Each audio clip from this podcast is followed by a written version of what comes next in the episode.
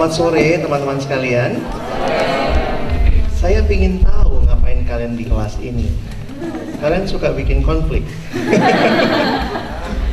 Tapi nanti kita akan sama-sama belajar untuk melihat uh, manajemen konflik. Saya melihat ini jadi satu hal yang mungkin akan jadi masalah juga di banyak PMK, banyak pelayanan, siswa, mahasiswa di kampus, di sekolah bahwa sering kali yang jadi masalah utama adalah relasi antar manusia. Dan ini yang kita mau rindukan juga kita bisa pelajari langkah-langkah yang mungkin akan bisa berguna dalam pelayanan kalian ke depan. Tapi lebih daripada itu saya sih mengharapkan pertumbuhan rohani yang baik akan menolong kita makin dewasa menyelesaikan konflik, ya. Kita akan mulai dengan doa, mari kita berdoa. Bapak di dalam surga, terima kasih banyak buat kesempatan sore hari ini. Kami boleh bersama-sama mengenal Tuhan di dalam hidup kami, bahkan boleh melayanimu. Dan di dalam retret koordinator ini ada kesempatan bagi kami untuk mengerti, memahami manajemen konflik. Biarlah ini boleh menjadi satu bagian yang mendewasakan kami juga karena kami melihat bahwa dalam hidup Tuhan mengizinkan konflik terjadi. Tuhan kiranya boleh menolong agar kami tidak hancur oleh konflik, tetapi kami boleh makin dewasa. Kami berdoa menyerahkan waktu ke depan, berkati hamba yang menyampaikan, setiap kami yang mendengar, dan juga interaksi di antara kami. Tuhan yang memberkati kami. Dalam nama Yesus kami berdoa. Amin. Mari kita lihat bagian firman Tuhan terlebih dahulu. Saya ajak kita buka kisah Rasul Kisah Rasul pasal yang ke-15 di dalam ayat yang ke-35 sampai ayat yang ke-41. Ini salah satu konflik besar yang dicatat di dalam Alkitab, ya. Mari kita dewasa untuk mengerti dan melihat bahwa Alkitab bukan buku yang seolah-olah tidak ada masalah tentang relasi antar manusia. Saya belajar ilmu komunikasi, saya belajar ilmu yang mempelajari pola komunikasi antar manusia dan makin menyadari ketika juga masuk di dalam pelayanan selama saudara masih berhubungan dengan manusia dalam pelayanan maka bersiap-siaplah menghadapi konflik. Saudara tidak mau konflik? Jangan hidup. Matilah kau. Maka tidak ada lagi konflik, kau menyisakan konflik buat yang menguburkanmu mau dikuburkan kapan, dengan upacara apa. Karena selama kita hidup, kita harus mengerti akan selalu ada konflik, ya. Nah, dalam pelayanan juga demikian. Selama pelayanan saudara masih berhubungan dengan manusia, saudara akan mengalami konflik. Ya. Nah, kita lihat sebentar bagaimana konflik yang pernah dicatat di dalam Kisah Para Rasul 15 ayat 35 sampai 41. Mari kita membaca bergantian. Perselisihan antara Paulus dan Barnabas. Paulus dan Barnabas tinggal beberapa lama di Antioquia. Mereka bersama-sama dengan banyak orang lain mengajar dan memberitakan firman Tuhan. Tetapi beberapa waktu kemudian berkatalah Paulus kepada Barnabas, Baiklah kita kembali kepada saudara-saudara kita di setiap kota, di mana kita telah memberitakan firman Tuhan untuk melihat bagaimana keadaan mereka. Barnabas ingin membawa juga Yohanes yang disebut Markus.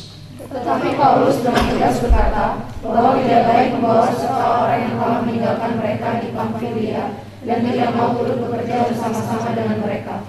Hal itu menimbulkan perselisihan yang tajam. Perhatikan istilah itu, bukan cuma perselisihan, yang tajam.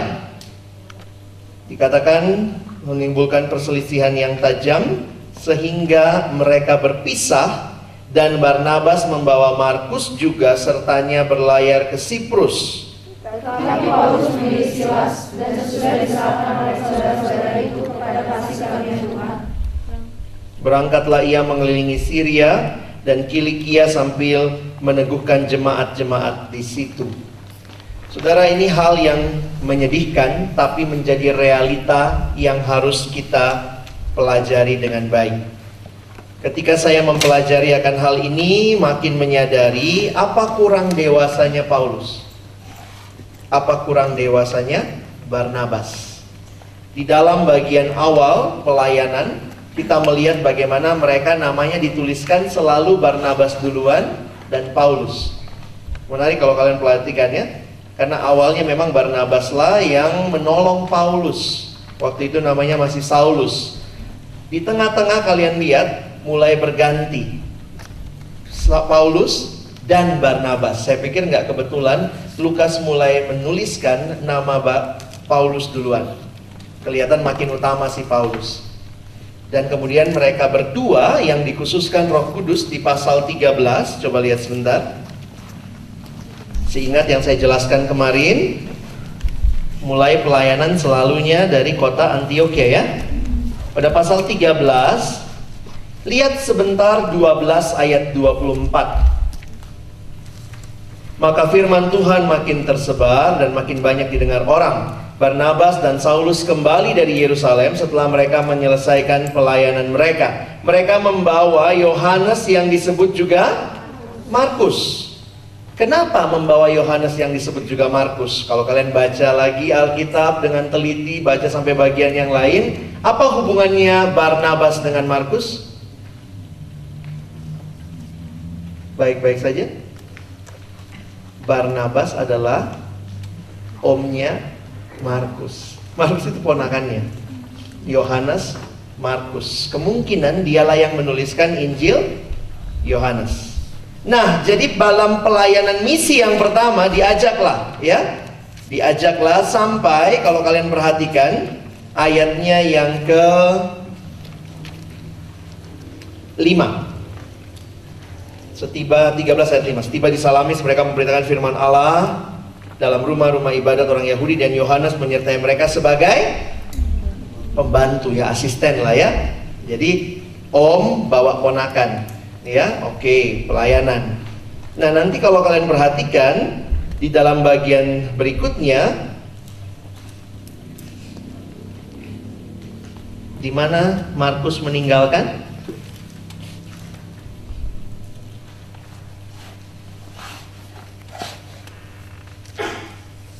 di Pamfilia saya juga lupa persis ayatnya. Lihat sebentar ayatnya di tadi 16 15 kisah Rasul 13 ayat 13 ya. Lalu Paulus dan kawan-kawan meninggalkan Pafos dan berlayar ke Perga di Pamfilia. Tetapi Yohanes meninggalkan mereka lalu kembali ke Yerusalem. Kita nggak dikasih tahu kenapa ninggalin. Mungkin tugasnya banyak banget ngikutin dua dua dua orang yang begitu giat melayani. Mungkin ini anak muda kali ya. Masih pengen having fun gitu. Aduh pelayanan mulu sih pelayanan mulu sih om sama temennya nih gitu kali ya. Sehingga akhirnya dia meninggalkan. Nah waktu mau perjalanan misi yang kedua Barnabas mau bawa siapa? Mau bawa ponakannya lagi. Paulus gimana? No way.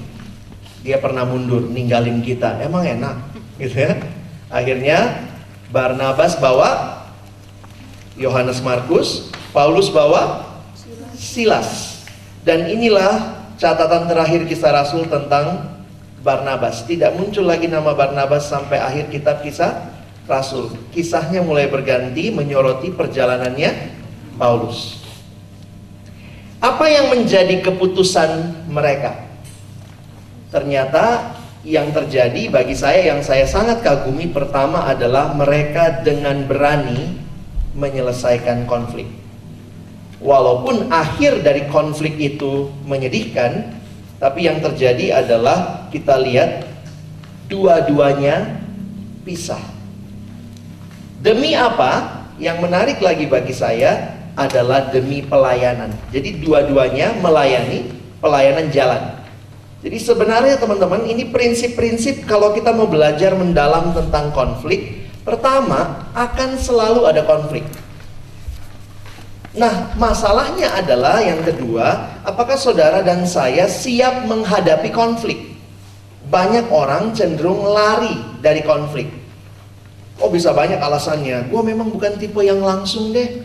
Gue memang karakternya begini gue memang gak suka sama dia. Jadi hal-hal itu bisa membuat kita tidak berani hadapi konflik. Jadi perhatikan prinsipnya, dia berani menghadapi konflik. Dan ketika tidak ada jalan ketemu, maka save the ministry. selamatkan pelayanan walaupun sangat menyedihkan mereka harus berpisah. Tapi memang kalau kita perhatikan di dalam Alkitab saya bersyukur melihat ada catatan lain tentang Yohanes Markus. Misalnya setelah kita tahu peristiwa-peristiwa ini terjadi di akhir hidup Paulus, ternyata Paulus adalah orang yang juga melihat Yohanes Markus tetap penting.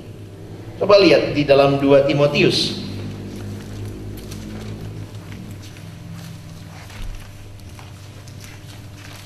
Dua Timotius pasal yang keempat ayat yang ke-11 kita baca sama-sama satu dua ayat hanya Lukas yang tinggal dengan aku jemputlah Markus dan bawalah ia kemari. Karena pelayanannya penting bagiku. Saudara perhatikan Markus ini kemudian dapat rekomendasi baik dari Paulus di akhir hidupnya. Sebagaimana kita tahu surat 2 Timotius adalah surat terakhir sebelum sang rasul mati dan menarik sekali bagaimana Paulus minta Timotius bawalah Markus kemari karena pelayanannya penting bagiku. Jadi memang menarik untuk kita perhatikan sering kali Mungkin karena konflik kita langsung melihat orang itu, wah nggak ada harapan, mampus mampus saja lu. Tapi saya bersyukur melihat catatan ini, Paulus nampaknya seorang yang tidak hidup dalam masa lalu dan dia punya pengharapan sebagaimana khotbah-khotbah yang dia sampaikan, tulisan-tulisan yang dia sampaikan, orang bisa berubah. Jadi di akhir hidup Paulus malah dia minta jemputlah Markus. Memang kalau saudara perhatikan indah sekali ya. Barnabas itu seorang yang sangat jeli sesuai dengan namanya. Siapa nama aslinya Barnabas? Sekolah minggu nggak lewat semuanya. Coba lihat kisah Rasul 4. Kisah Rasul 4, coba temukan siapa nama asli Barnabas?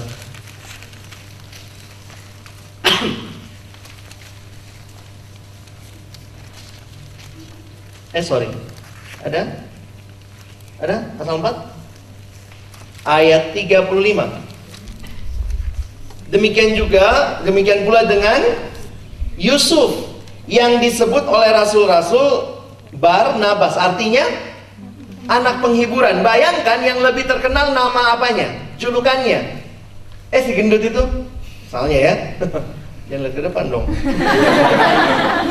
Jadi yang lebih terkenal sebutannya, nama aslinya pun bahkan tidak disebutkan, lebih dikenal sebagai Barnabas, anak penghiburan. Ketika semua rasul-rasul ketakutan, waktu Paulus mau masuk ke dalam bilangan mereka, siapa yang disuruh deketin Paulus? Barnabas juga. Jadi memang Barnabas ini seorang yang matanya bisa melihat kesempatan kedua. Ya, tapi ada juga orang di pelayanan, kita butuh dua-duanya ya.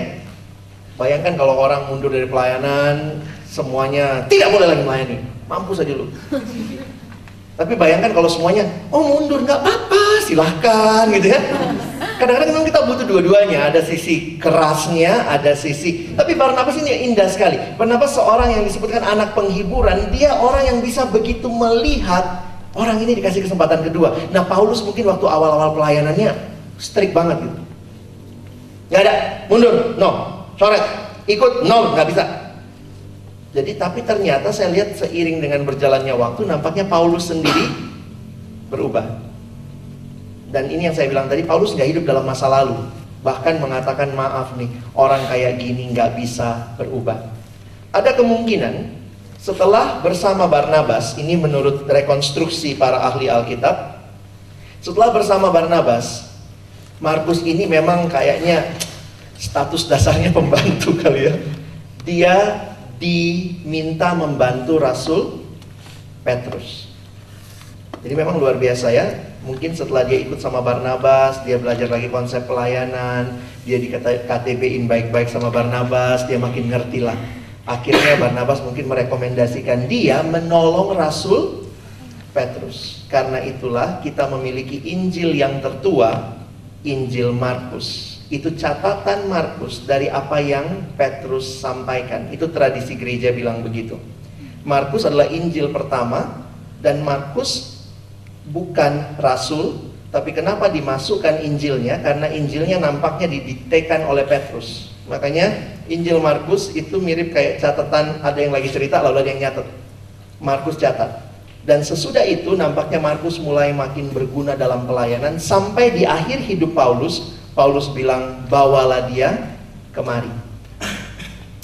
Kadang saya bersyukur juga ya, Markus di dibimbing oleh omnya ini yang namanya sangat luar biasa anak penghiburan sehingga dia jadi berkat besar bahkan bagi gereja sampai kita punya Injil Markus.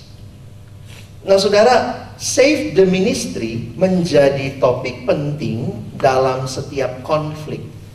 Maksudnya, konflik tidak terhindarkan, tapi jangan kemudian karena konflik itu melemahkan pelayanan.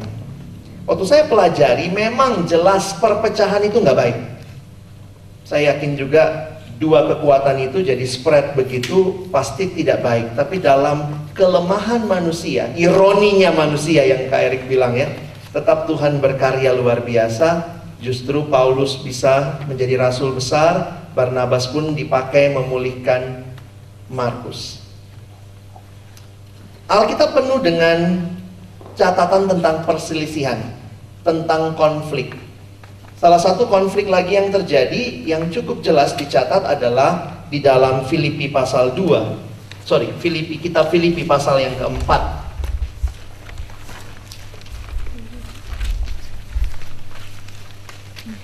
Kitab Filipi pasal yang keempat memberikan pemahaman kepada kita bahwa ternyata ada masalah dalam gereja Filipi.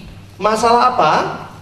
Masalah perpecahan Siapa yang pecah? Nah ini sedih lagi 4 ayat 2 Kita baca sama-sama. 1, 2, sampai 3 ya. 1, 2, ya. Eudia kunasehati dan Sintika kunasehati supaya dalam Tuhan. Bahkan ku minta kepadamu juga Sunsugos temanku yang setia Tolonglah mereka. Karena mereka telah berjuang dengan aku dalam pekabaran Injil bersama-sama dengan Clemens dan kawan-kawanku sekerja yang lain yang nama-namanya tercantum dalam kitab kehidupan. Siapa yang berantem? Yehudia dan Sintika. Ini laki-laki perempuan. Perempuan. Jadi ternyata ada rekor dalam Alkitab laki-laki berantem, perempuan juga begitu. Ini tim inti. Ya? Ini dua orang tim inti. Kenapa? Mereka bukan orang biasa. Sampai namanya dicatat pasti terkenal. Kalau kamu nggak terkenal terus dicatat di kitab gitu ya, kasihan banget sih ini. Terus orang nanya, eh siapa nih gitu ya. Tapi ini kemungkinan adalah nama petinggi dari kalangan orang Filipi waktu itu. Perhatikan ayat 3. Diminta, bahkan minta orang ketiga ya, Sun Sugos, temanku yang setia. Tolonglah mereka. Terus saya baca ini benar juga ya kalau ada perselisihan mesti ada orang ketiga juga sometimes untuk bisa melihat dengan lebih clear.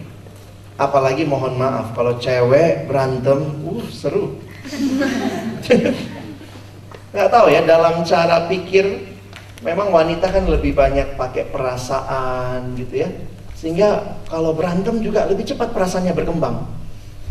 Kayaknya dia udah gak suka sama aku. Kayaknya dia begini deh. Kayaknya, jadi semua asumsi yang terjadi. Karena saking kuatnya asumsi kamu sudah bikin novel tiga jilid tentang asumsimu yang tidak terbukti itu Tolonglah mereka karena mereka telah berjuang bersama aku dalam pekabaran Injil. Ini bukan orang yang nggak melayani, ini pelayan Tuhan, tim inti. Tapi ternyata juga mungkin ini masalah cara ya. Nampaknya karena Paulus tidak sedang mengadres salah satunya salah. Kalau Paulus kan kebiasaannya begitu, kamu salah, Eudia.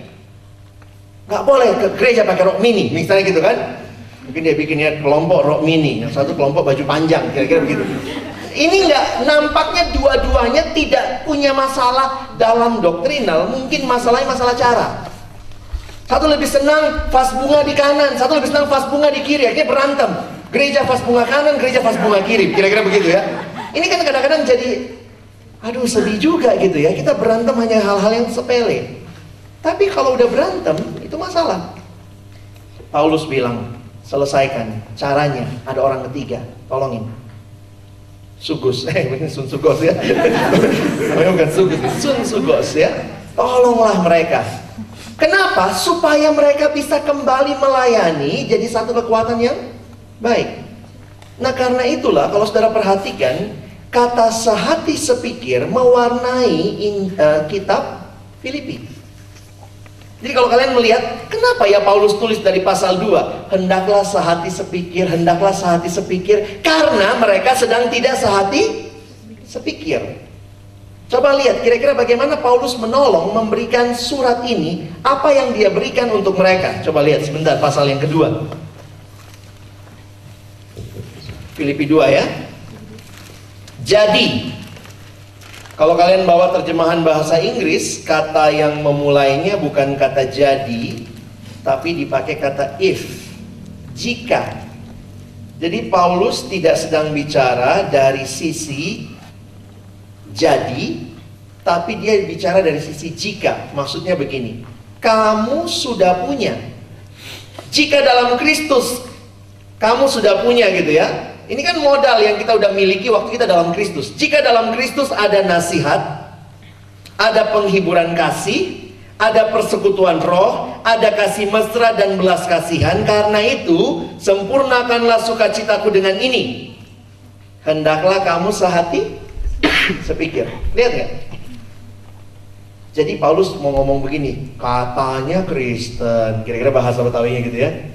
Jika dalam Kristus kamu sudah punya, katanya kamu udah punya kasih, kamu udah punya penghiburan kasih, persekutuan roh, kasih mesra dan belas kasihan. Please dong, dipakai modalnya.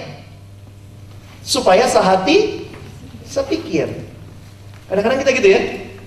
Udah anak Tuhan, bertumbuh, KTB, bukunya udah habis, Alkitab udah 14 kali baca, depan sampai belakang.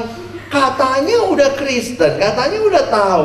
Ayo terapkan yang kamu tahu. Masa ngatasi konflik aja kita nggak bisa, nggak berani, kira-kira begitu ya. Saya ngomong begini juga kadang-kadang saya seperti itu ya. Uh, nanti saya cerita lah. Aduh, sedih emang ya. Dua, karena itu sempurnakanlah suka dengan ini, hendaklah kamu saat speaker dalam satu kasih, satu jiwa. Nah, hitunglah berapa kali satu itu? Satu kasih, satu jiwa, satu tujuan. Dengan tidak mencari kepentingan sendiri. Nah, ini nih kuncinya, hal-hal praktisnya. Dengan tidak mencari kepentingan sendiri atau puji-pujian yang sia-sia. Sebaliknya hendaklah dengan rendah hati yang seorang menganggap yang lain lebih utama daripada dirinya sendiri. Dan janganlah tiap-tiap orang hanya memperhatikan kepentingannya sendiri, tetapi kepentingan orang lain juga. Jadi harus kita berlomba-lomba mencari kepentingan orang lain. Orang konflik salah satunya masalah karena kita sibuk sama kepentingan kita. Apalagi kalau hal-hal itu jadi ece-ece, harga diriku lah. Atau hal-hal yang seperti itu. Nah menariknya ayat yang kelima, Hendaklah kamu dalam hidupmu bersama menaruh pikiran dan perasaan yang terdapat juga dalam Kristus Yesus. Jadi kalau kalian mengerti konteks surat Filipi. Apa tujuannya Paulus menuliskan kristologi yang begitu dalam? Kristologinya Paulus di Filipi dia bilang begini, ingat Kristus, Hendaklah kamu punya pikiran dan perasaan yang terdapat juga dalam Kristus Yesus yang walaupun dalam rupa Allah tidak menganggap kesetaraan itu dengan Allah itu sebagai milik yang harus dipertahankan, melainkan telah mengosongkan dirinya sendiri, mengambil rupa seorang hamba, menjadi sama dengan manusia, dalam keadaannya sebagai manusia ia telah merendahkan dirinya dan taat sampai mati, bahkan sampai mati di kayu salib. Kristologi ini untuk apa? Untuk menolong supaya menganggap yang lain lebih utama daripada dirinya sendiri. Gampang nggak menganggap yang lain lebih utama dari dirinya sendiri? Nggak gampang, karena itu Paulus kasih contoh. Lihat Yesus, dia dari surga datang buat kita. Apa pentingnya sih kita? Tapi dia datang, bahkan waktu datang dia jadi manusia, bukan cuma manusia, dia ambil status yang paling rendah jadi hamba. Dalam keadaannya sebagai hamba dia taat, bahkan taat sampai mati di kayu salib. Ngapain Tuhan Yesus melakukan semua itu? Untuk kepentingan siapa?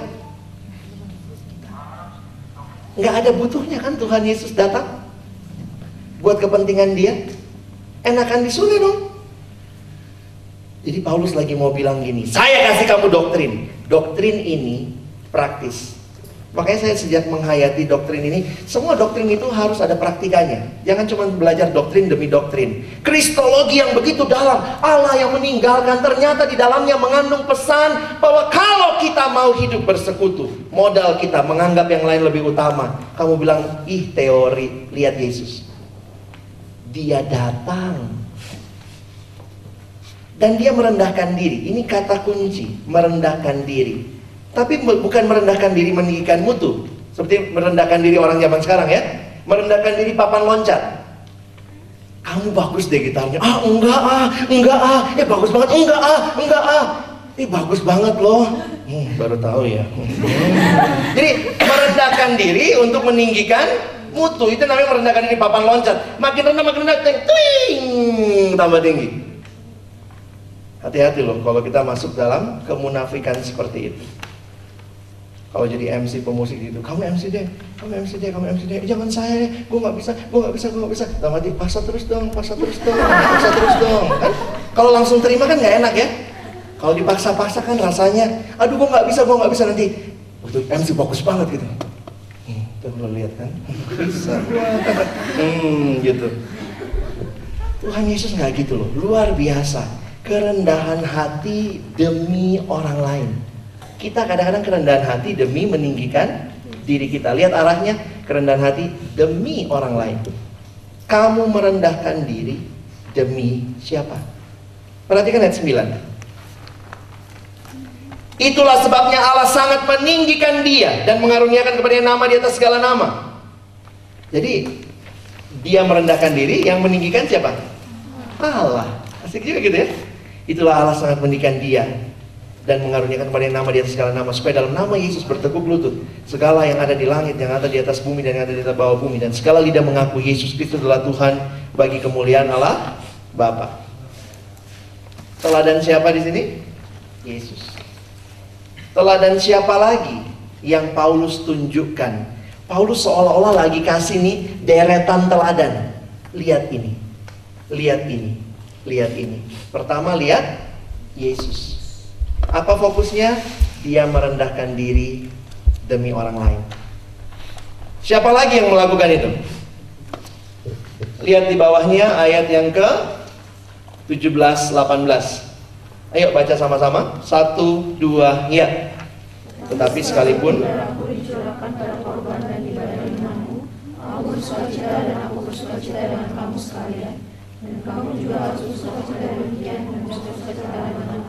Ini siapa?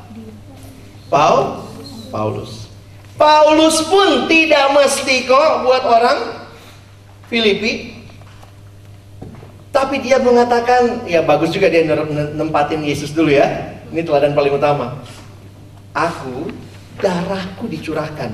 Lihat ya, semua gambaran kerendahan hati adalah gambaran kematian. Dia yang tidak mementingkan diri, datang bahkan mati buat kamu. Betapa pentingnya kita. Kalau mau sok gitu ya, gila ya. Tuhanku mati buat aku. Berapa pentingnya aku. Terus sekarang kita hidup mementingkan diri. Sedih banget ya. Teladannya udah jelas. Teladannya Paulus, darahku dicurahkan. Ini juga gambaran-gambaran kematian. Apa yang aku lakukan bukan untuk diriku, kata Paulus, untuk kamu. Jemaat Filipi. Perhatikan lagi, di bawahnya ada contoh, siapa lagi? Timotius dan Epaphroditus. Baca sebentar Timotius. Tetap Tuhan Yesus kuharap segera mengirimkan Timotius kepadamu. Kok ngirim Timotius? Masih nyambung nggak temanya nih? Supaya tenang juga hatiku oleh kabar tentang hal ikhwalmu. Karena tak ada seorang padaku yang sehati sepikir, nggak kebetulan kata itu dipakai, yang sehati sepikir dengan aku dan begitu bersungguh-sungguh memperhatikan kepentinganmu. Sebab semuanya mencari kepentingan sendiri bukan kepentingan Kristus Yesus. Timotius mau dikirim Paulus ke mana? Filipi. Timotius aslinya orang orang Kristen. orang apa? Dari Listra. Timotius besarnya kotanya di Listra. Timotius bukan orang Filipi. Timotius ini kalau di PMKJ dia antar kampus. Dia bukan dari kampus Filipi. Dia dari kampus Listra. Tapi perhatikan rekomendasi Paulus. Karena tak ada seorang padaku yang sehati sepikir dengan aku yang begitu bersungguh-sungguh memperhatikan kepentinganmu. Luar biasa ya. Sampai begitu cinta sama kampus lain. Kadang-kadang kampus PMKJ gitu ya. Lu anak mana sih? Sampai di name tag-nya pun nggak tahu lagi nama kampusnya. Kayak gitu ya. Kadang-kadang saya pikir iya ya. Cara Tuhan, ini nih contoh orang yang tidak memperhatikan kepentingannya sendiri, tapi benar-benar memperhatikan kepentingan orang lain. Kalau begini kan dunia damai banget ya, nggak ada konflik ya. Begitu mau konflik, lu mau apa? Ayo, ini kepentinganmu yuk. Di bawahnya ada siapa? Epafroditus. Apa teladan Epafroditus? Ini juga luar biasa. Epafroditus orang Filipi. Dikirim untuk nolong Paulus. Waktu itu kan kalau kirim surat yang mesti pakai nggak nggak pakai perangko, pakai apa gitu ya. Jadi kadang surat dibawa kan. Nah Epafroditus dikirim sama orang Filipi nolongin Paulus. Ya. Jadi luar biasa nggak orang Filipi. Jemaat Filipi bukan jemaat yang kaya, salah satu jemaat yang miskin. Ini namanya jemaat Makedonia menurut surat 2 Korintus. Jemaat Makedonia sangat miskin, tapi Paulus bilang, "Saya bersyukur sekali kamu bisa mendukung saya." Jadi Paulus ini memuji luar biasa, makanya surat Filipi ini adalah surat tanda terima kasih. Karena kamu sudah nampaknya jemaat Filipi kirim uang sama Paulus. Nanti baca di pasal 4. Dia kirim uang sama Paulus, makanya Paulus kirim ucapan terima kasihnya dalam surat yang sangat luar biasa ini. Aku terima kasih banget loh. Kamu udah kirim uang, kirim lagi pembantu buat buat nolongin saya. Mari lihat Epaphroditus ayat 25. Sementara itu kuanggap perlu mengirimkan Epaphroditus kepadamu, yaitu saudaraku dan teman sekerja serta teman seperjuanganku yang kamu utus untuk melayani aku dalam keperluanku. Karena ia sangat rindu kepada kamu sekalian dan susah juga hatinya sebab kamu mendengar bahwa ia sakit. Memang benar ia sakit dan nyaris mati. Tetapi Allah mengasihani dia dan bukan hanya dia saja melainkan aku juga. Ya dong, kalau mati siapa yang nolong Paulus? Supaya duka citaku jangan bertambah-tambah. Jadi Epaphroditus nampaknya karena nolong Paulus sampai sakit. Sakitnya hampir mati.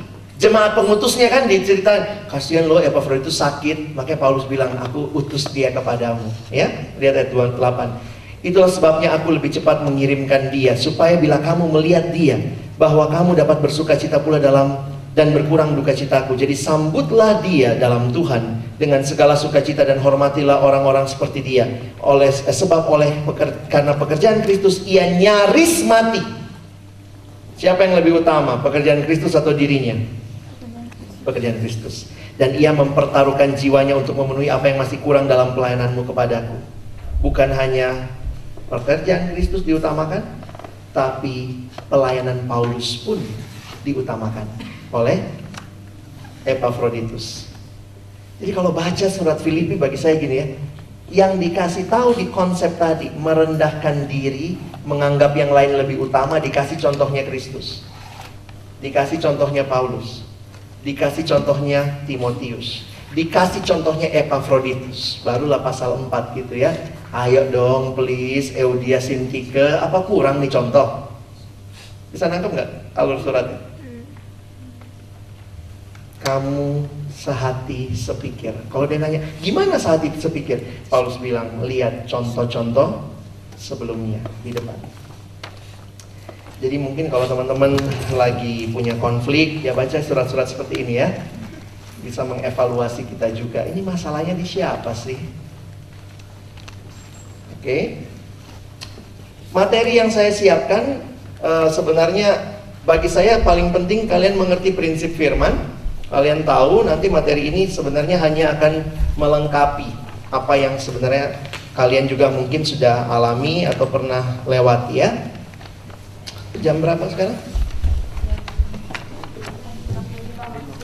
5 kurang 10 Saya selesaikan sebentar makalahnya Lalu nanti kita masuk kepada beberapa aktivitas dan tanya jawab ya Manajemen konflik, lihat gambarnya Seringkali memang Ada yang pernah bilang sama saya, aduh bang, saya pikir masuk pelayanan itu indah banget, enggak ya.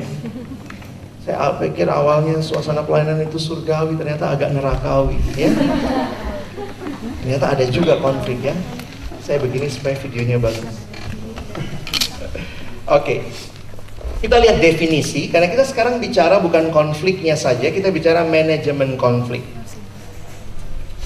Dua orang atau lebih mencoba untuk menempati atau menduduki ruang yang sama atau mengontrol sumber-sumber terbatas yang sama. Ini definisi umum sebenarnya ya, bukan cuma buat pelayanan. Muncul saat tindakan seseorang yang berusaha untuk memaksimalkan kebutuhannya dan keuntungannya, menyakiti atau kadang membuat usaha orang lain tidak efektif, meningkatkan kepentingannya dengan menghambat orang lain. Jadi ini uh, definisi konflik sebenarnya. Jadi kalau kita lihat dalam ilmu, konflik sebenarnya terjadi ketika ada resource, ada sumber daya. Lalu kemudian saya mau pakai itu, saya nggak rela orang lain pakai itu. Lalu perbedaan kepentingan inilah yang membuat akhirnya terjadinya konflik. Dalam pelayanan sama kok. Nggak usah bicara yang lain-lain dulu lah ide saya lebih bagus kok dari ide dia. Cara saya lebih baik dari cara dia. Sehingga yang terjadi ya saya akan mati-matian misalnya mempertahankan sehingga mungkin muncul konflik, ya. Manfaat konflik. Semakin mengenal atau memahami orang lain. Benar nggak? Pernah ngalamin konflik? dalam kedewasaan saya bersyukur dalam anugerah Tuhan walaupun konflik itu nggak enak tapi saya pernah konflik dengan beberapa teman-teman senior saya dan pengalaman itu ternyata membuat saya makin kenal dia. Teman konflik saya Kalina Kristo, gitu ya. Kak Vivi gitu ya. Kalau sama istri mah udah pasti ya. Tapi poinnya waktu saya masih staf muda waktu itu, sekarang masih muda ya. Tapi lebih muda begitu ya saya udah 15 tahun di Perkantas, jadi ini tahun yang ke-15. Jadi saya pernah lebih muda 15 tahun dari ini ya. Waktu itu Kak Lina pimpinan saya, saya marah apa gitu sama Kak Lina ya. Dan waktu itu saya nggak bisa tahan emosi, beda pendapat. Saya keluar, saya tutup pintu. Maunya sih tutup, tapi jadinya banting. Saya nggak ngobrol sama Kak Lina secara langsung tuh sekitar dua bulan apa satu bulan setengah. Emang, aduh, gimana ya rasanya nggak enak juga. Saya tahu dia, saya tahu saya salah, tapi saya nggak suka cara dia misalnya begitu. Sehingga akhirnya datanglah Sun Sugos. Sun Sugos saya adalah Kak Vivi. Jadi ada Sun Sugos berwarna hitam yang datang. Ya, dan sesudah itu saya justru makin dekat sama Kalina. Salah satu orang yang bagi saya cukup dekat sampai saat ini adalah Kalina. Masih konflik? Masih. Bulan lalu konflik. gitu ya. Dan memang konflik itu terjadi karena sama-sama merasa diri benar, sama-sama ingin menyampaikan sesuatu, tapi terlepas dari bagaimana menyelesaikan konflik itu, salah satu yang saya bersyukur makin mengenal, memahami orang lain. Sarana untuk evaluasi diri kita ya semakin cermat melihat masalah dan mungkin ini juga satu ya bukan bukan berarti harus ada konflik untuk mengandalkan Tuhan tapi konflik membuat kita menyadari saya nggak bisa ngandalin diri saya saya nggak bisa ngandalin teman pelayanan saya saya harus selalu bergantung mengandalkan Tuhan tapi ingat semua manfaat ini akan tercapai kalau konflik diselesaikan. Jadi pertama jangan takut sama konflik, pasti ada konflik. Tapi pertanyaannya, konflik itu akan kamu selesaikan atau tidak? Dan kalau kamu selesaikan, kamu nikmati manfaatnya.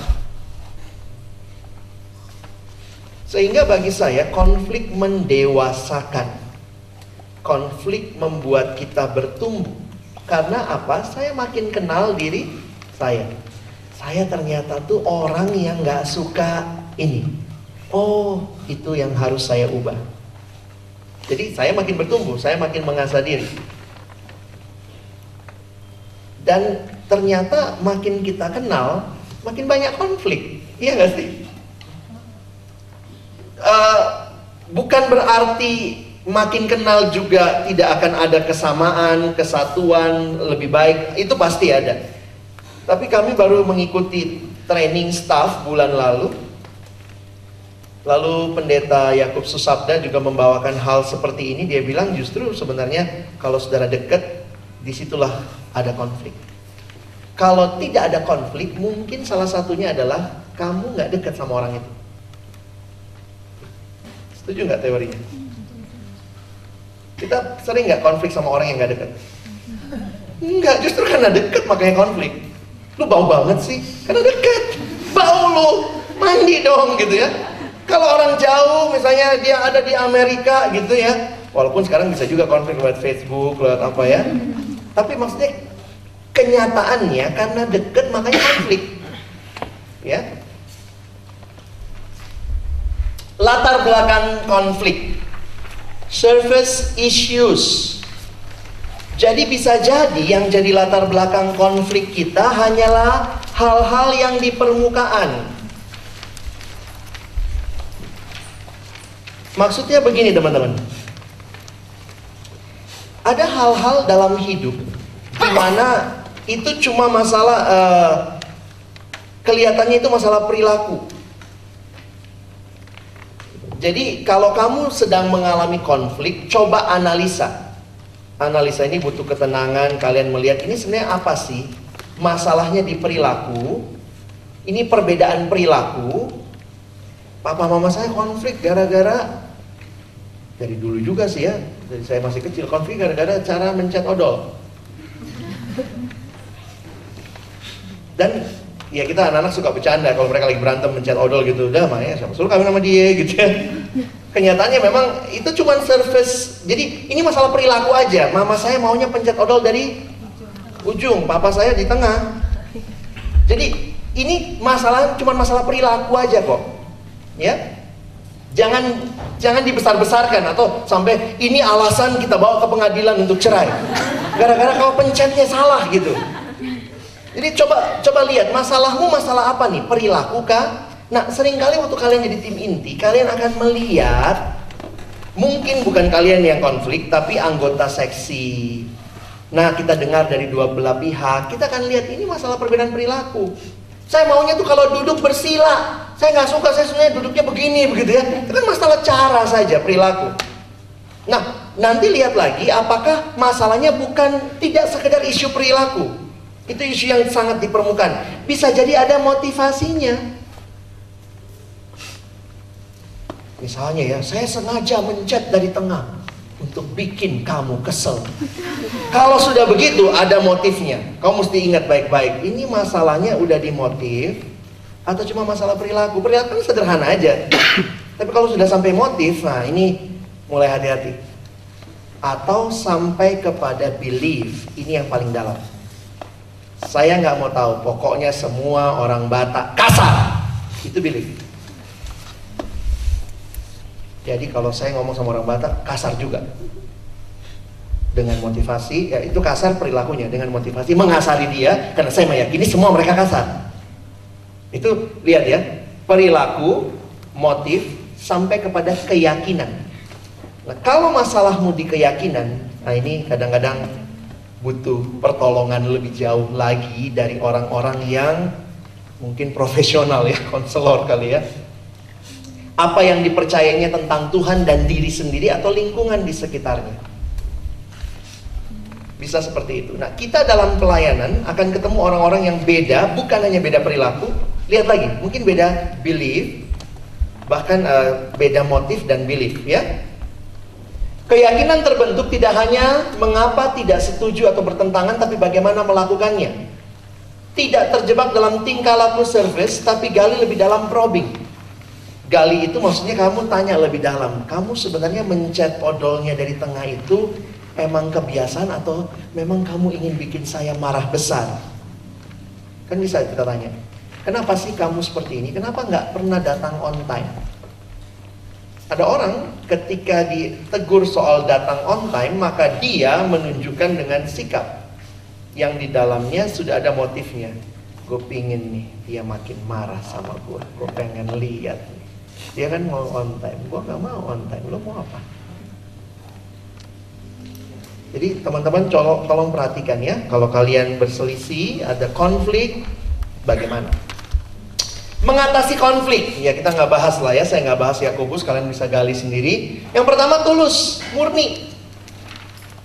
Kita mesti belajar untuk tulus dan murni. Kalau kalian jadi penengah, jangan sampai memihak terlebih dahulu. Tapi belajar untuk melihat dengan tulus, dengan murni. Perdamaian Damai yang dari Allah dengan tindakan dan perkataan mendukung kepercayaan. Saya pikir ini harusnya kita hayati bahwa perdamaian itu adalah kehendak Allah. Seperti yang kita udah dengar di khotbah juga. Tuhan nggak mau kok kita tidak takut. Tuhan mau kita berdamai. Jadi jangan belum apa-apa sudah punya konsep. Gue sampai mati nggak mau lagi dekat sama dia. Maaf ya gue sih orangnya baik bang tapi gue kalau sekali ya dihianati begini bang us udah susah gue deh beberapa orang udah beliefnya begitu jadi memang tujuan lu bagusan kita kasih ring tinju buat kalian karena memang kamu nggak ada tujuan berdamai ya Mengatasi konflik penuh belas kasihan dan buah-buah yang baik, tidak memihak, tidak munafik dan pengampunan. Teman-teman waktu saya belajar pengampunan memang ini sulit luar biasa. Sulit karena pengampunan bukanlah bukanlah natur dasar kita yang berdosa. Kita itu cenderungnya apa?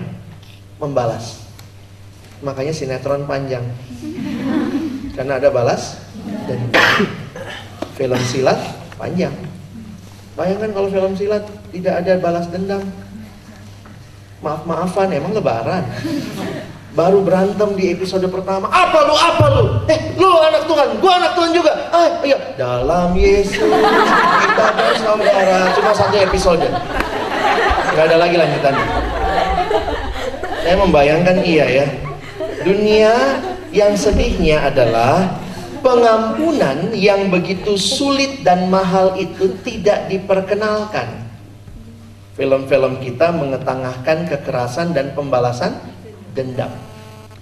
Sehingga saya ketemu banyak orang Kristen, tapi tabiatnya bukan tabiat Kristus, tabiatnya sinetron. Seorang tante yang pernah datang setelah firman, setelah saya bawa firman di satu gereja, dia datang ini, Pak boleh nggak saya ngomong sama Bapak? Oh iya boleh tante silahkan. Tantenya penampilan Kristen abis salib gede.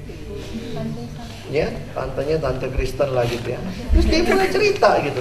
Aduh pak dia cerita barulah saya tahu dia ditipu oleh teman dagangnya. Dan karena ditipu oleh teman dagangnya lalu kemudian dia cerita lah bagaimana sakit hatinya dia. Lalu dia ngomong begini teman dagangnya ini minta maaf sama dia setelah sekian lama akhirnya minta maaf dia bilang aduh pak saya itu susah banget pak orang kalau saya itu baik sama orang jadi biasa gitu ya saya itu baik sama orang kalau orang baik sama saya pak, uh saya bisa lebih baik sama dia. Tapi kalau orang jahat sama saya pak, aduh saya juga bisa lebih jahat sama dia. Saya mikir itu salib buat apaan tuh? Terus kemudian dia ngomong begini, Pak, saya tuh percaya banget sama orang. Tapi sekali orang mengkhianati kepercayaan saya pak, oh panjang tuh. Saya susah pak ngampunin.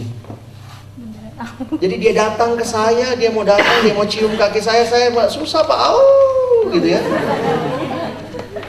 Dalam hati saya bilang sama dia juga, uh, saya dalam hati saya saya bilang, Tuhan juga berarti kalau Tuhan kayak begitu, mampus lah kita ya. Sekali kamu bikin salah, oh, kita tuh bikin salah berkali-kali. Memang pengampunan itu sulit teman-teman ya. Aduh, sulit. Bukan cuma sulit, bahasa Inggrisnya sulit. ya? Pengampunan di Alkitab, akhirnya saya bilang sama dia, Tante, bukankah di Alkitab ditulis, kasihilah musuhmu dan berdoalah untuk mereka yang menganiaya kamu. Dia, oh gitu ya Pak. Saya mikir-mikir gitu ya.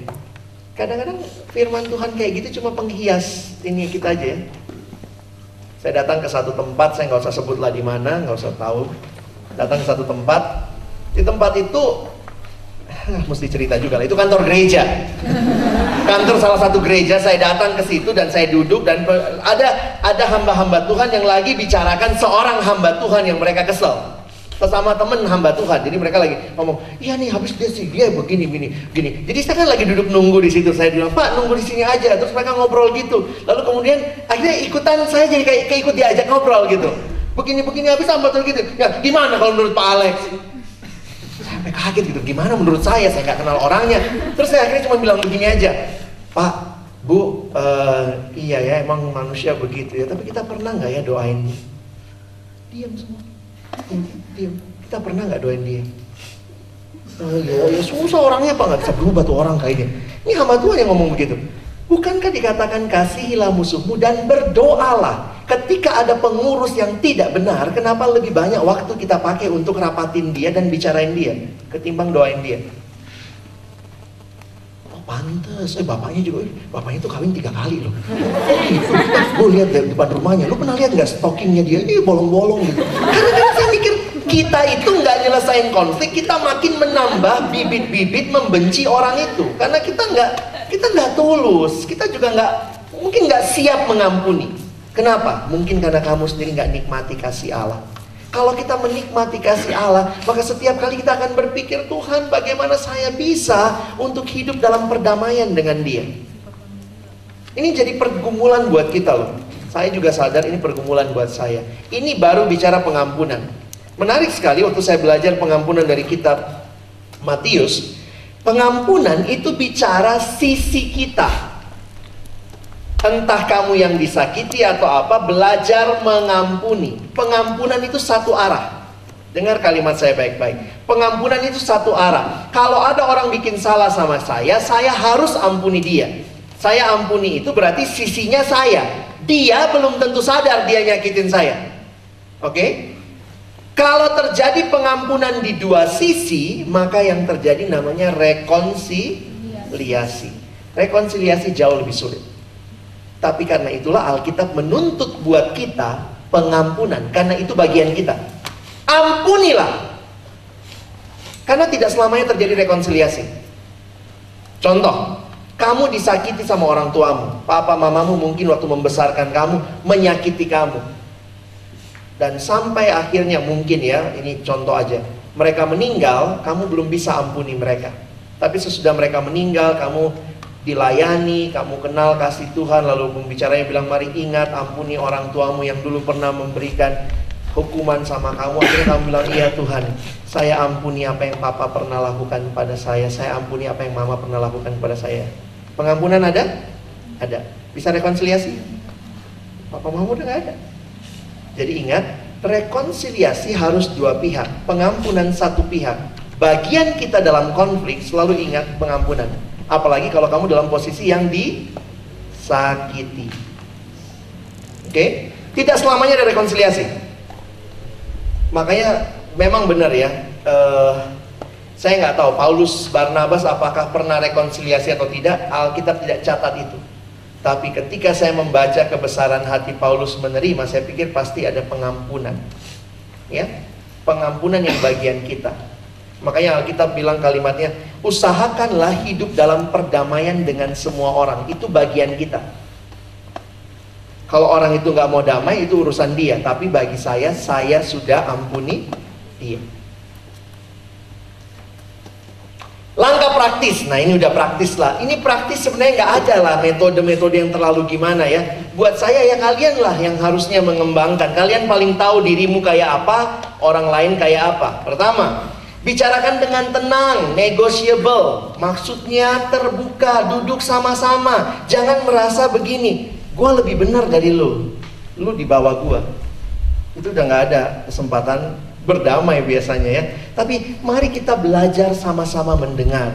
Kalau perlu minta bantuan pihak ketiga, Sun Sugos. Yang dibicarakan, definisi dengan jelas permasalahannya, deskripsi juga perasaan dan reaksi dari masing-masing yang berselisih. Kadang-kadang orang hanya berpikir, saya cuma ngomong gitu kok, tapi apakah kau tahu itu telah melukai pera perasaan? kata-kata itu KDRT yang paling mengerikan ya. Kekerasan yang terutama seperti kata Bang Erik, banyak kali bukan dari kekerasan fisik. Kamu digampar, pak gitu ya. Mungkin dua minggu lah ya kira-kira ya, sudah sembuh lagi lah. Tapi begitu lu dibilang goblok kamu, banci lu. Makanya di dalam perkembangan anak sekarang, orang tua yang sudah mulai mengerti tidak mengeluarkan kata-kata seperti itu. Juga bully-bully di sekolah tuh ya. Ya gendut lu, Ya, terbang lu sama angin eh itu loh membalas begitu tuh enggak kita melihatnya just words tapi ya itu kata-kata tuh menoreh-noreh hidup kita share perasaan masing-masing kalau kamu jadi orang yang pihak ketiga kamu bisa bilang gimana apa yang kamu rasakan serius kak aku nggak sungguh-sungguh aku nggak pernah kok maksudnya nyakitin dia aku perasaanku waktu ngomong itu biasa aja kak tapi perasaan gue sakit banget gitu. Oh, sinetron banget ya. Jadi biar aja dia ceritain perasaan, izinkan aja. Nah, nanti di situ kita lihat ya bagaimana. Pahami perspektif orang lain. Jangan tempatkan, ih lo kok gitu amat sih? Gue berapa kali juga dibilang bodoh, goblok, gue biasa aja. Kadang-kadang kita bisa merasa, gue biasa, masa lo digituin aja nggak bisa? Nah ini cara kita mengerti diri kita ditaruh di orang lain. Nah, ini yang penting nih sebenarnya. Di poin ini setelah masing-masing bicara, masing-masing mengungkapkan, maka temukan pilihan-pilihan demi kepentingan bersama. Oke, sekarang maunya gimana? Mau saya kasih pisau bunuh-bunuhan gitu ya. Tapi coba Coba kamu ternyata iya perasaanmu sangat lembut, ini tak berperasaan. Kita bicarakan, lalu pilihannya apa? Oke, kamu belajar apa buat dirimu? Iya, lain kali nggak ngomong begitu lagi kak. Kamu gimana? Iya, mungkin saya juga mesti ngerasa jangan terlalu punya prasangka yang buruk begitu. Nah pilihan-pilihan itu bisa kita yang tolong. Apa ya? Nah sekarang gimana kamu lihat dia? Kamu bisa ngerti posisinya dia? Iya sih kak. Kamu bisa ngerti posisinya dia? Iya. Terus sekarang mau gimana? Ya udah kita nggak gitu lagi kah? Atau jadi kita kasih pilihan-pilihan yang akan menolong mereka menemukan apa langkah berikutnya. Masih bisa bersahabat? Si ya udah yuk salaman. Pelukan yuk. Oh teletabis berpelukan. Hasilkan persetujuan yang bijaksana nah ini semua teorinya gampang ya pasti kalau pertanyaannya tapi bang sih ini begini begini ya udahlah selesaikan aja saya kasih satu poin yang saya pelajari dari ilmu saya, tidak ada di makalah. Kembangkan komunikasi bukan asumsi. Kalian tahu bedanya? Apa itu asumsi, apa itu komunikasi? Sederhananya begini. Waktu saya belajar definisi ilmu komunikasi di tahun 90-an ternyata ada sekitar 137 definisi. Kalau kalian kuliah di komunikasi ngerti ya banyak banget definisi komunikasi adalah ini ini ini. Tapi satu definisi yang sangat saya sukai adalah definisi begini. Komunikasi adalah sebuah upaya mengurangi ketidakpastian. Sebuah upaya mengurangi ketidakpastian. Misalnya saya tanya sama kalian begini. Siapa yang merasa panas di sini? Siapa yang merasa dingin di sini? Siapa yang merasa biasa-biasa aja? Nah, jadi saya berkomunikasi untuk mengurangi ketidakpastian saya. Ini kepanasan atau kedinginan? Kalau saya berasumsi, kayaknya ke kepanasan nih semua. Buka, buka, buka. Terus nanti ada yang, ada yang apa? Mode getar. Itu asumsi. Saya tidak tanya, saya tidak komunikasi, saya sudah mengambil kesimpulan atau bahkan tindakan kayaknya dia nggak suka deh sama gua. Ini komunikasi atau asumsi? Kayaknya dia lebay banget deh. Cuma bagaimana mengkomunikasikan nggak enak juga ya. Lu lebay ya? nah itu mengurangi ketidakpastian berkomunikasi juga mesti gimana caranya. Itu nah belajarlah pada kami ya. Kalau kami dibully, ah empat tahun kuliah cuma belajar ngomong. Tapi ternyata kita bicara mesti tahu, kita punya tata krama juga. Dalam komunikasi, ya, kuliah komunikasi sedikit ya, ada komunikasi antar budaya. Ada kebiasaan, ada pola asuh, ada latar belakang, sampai-sampai itu komunikasi antar budaya itu pengaruh juga. Kalian pernah perhatikan nggak gagang sapu di Jawa dan di Sumatera? Beda ternyata. Gagang sapu di Jawa lebih pendek, gagang sapu di Sumatera lebih panjang. Karena orang Sumatera nggak suka nunduk kayak orang Jawa. Jadi kalau nyapu, orang Jawa. Sehingga ini membuat kayaknya kalau saya belajar komunikasi antar budaya memang menarik saudara. Budaya itu mempengaruhi pola kita komunikasi. Kalau mungkin kita di kota besar nggak terlalu berasa ya, tapi paling tidak kita bisa melihat pola asuh keluarga kita. Kalau kamu dari keluarga yang tidak pernah membicarakan masalah bersama-sama, begitu ada masalah, maunya apa? Diam. Orang menghadapi konflik bisa jadi mirip kayak turtle, eh, kura-kura, tak langsung ngumpet, sembunyi. Tapi ada yang kayak macan, gitu ya belum apa-apa udah diterkam orang lain. Jadi kembangkan komunikasi. Bagaimana berkomunikasi belajar untuk bicara dari hati ke hati. Di zaman saya pengurus, saya bikin kesepakatan, saya ketua persekutuan ya, saya bikin kesepakatan di awal. Saya senang dengan kesepakatan di awal. Kayak kemarin juga saya bilang ya, mesti uh, kalau kesepakatan di awal itu kita jadi enak tuh nanyanya. Jadi saya udah bilang sama pengurus waktu malam-malam, malam ini ya, malam kita doa untuk komitmen. Saya bilang oke, okay, saya akan mimpin ke depan. Boleh nggak saya tahu apa yang teman-teman inginkan kalau kita, kalau saya menegur? Maunya apa? Menegurnya langsung di depan orang atau bagaimana? Oh yang batak-batak, eh aku langsung aja lah, nggak apa-apa itu. Ada yang bilang, kalau saya jangan langsung ya. Jadi saya tahu. Waktu saya pacaran sama istri saya, kita belajar manajemen konflik kita ngomong waktu lagi nggak konflik, lagi waras. Tanya sama dia, kalau kita konflik bagaimana? Udah dibicarakan dalam kewarasan, ternyata waktu terjadi konflik nggak waras juga berdua gitu ya. Jadi apalagi nggak dibicarakan. Ketika waktu awal menikah, memang itu pergumulan buat kami. Dua orang yang berbeda, walaupun kami sama-sama Kristen, suku juga sama, ternyata pola asuh dan kepribadian beda. Saya orang kalau masalah langsung selesaikan saat itu juga. Istri saya kalau ada masalah biarkanlah aku berpikir dulu, aku tenang dulu, nanti aku baik lagi kok. Kalau saya gini, saya nggak suka dicuekin. Kalau saya udah minta maaf, langsung harus baik kau sama saya.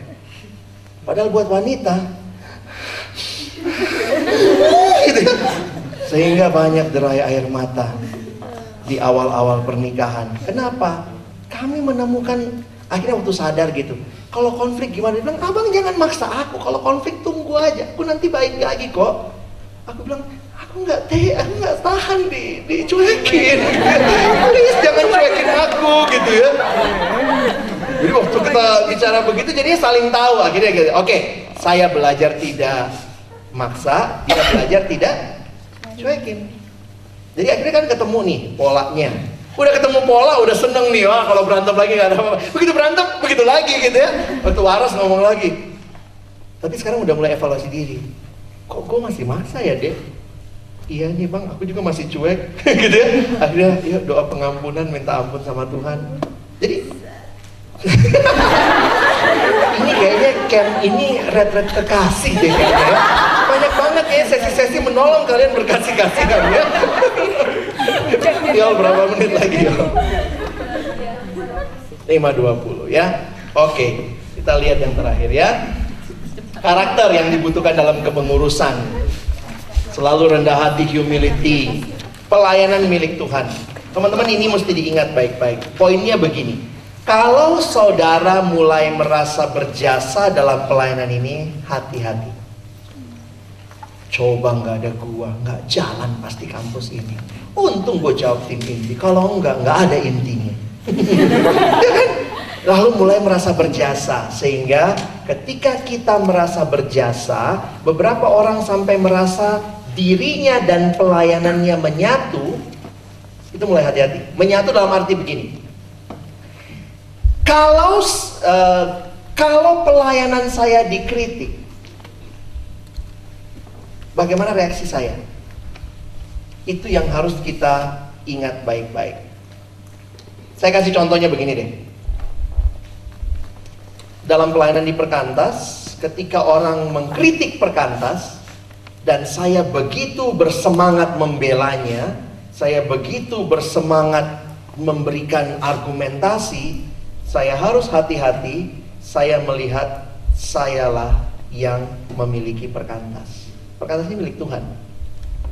Tidak usah dibela ya Tuhan juga bisa bela. Tapi kadang-kadang kalau kalau diri kita seolah-olah kalau perkantas diserang, saya merasa yang diserang saya. Kalau kampusmu atau mungkin pelayananmu diserang, kamu merasa kamu terserang, sebenarnya mesti mulai hati-hati karena kamu sudah merasa pelayanan itu milik kamu. Kita mesti dewasa. Kalau pelayanan kita dikritik, kita belajar dari kritikan itu, tapi kita mesti tetap ingat, ini pelayanan milik Tuhan.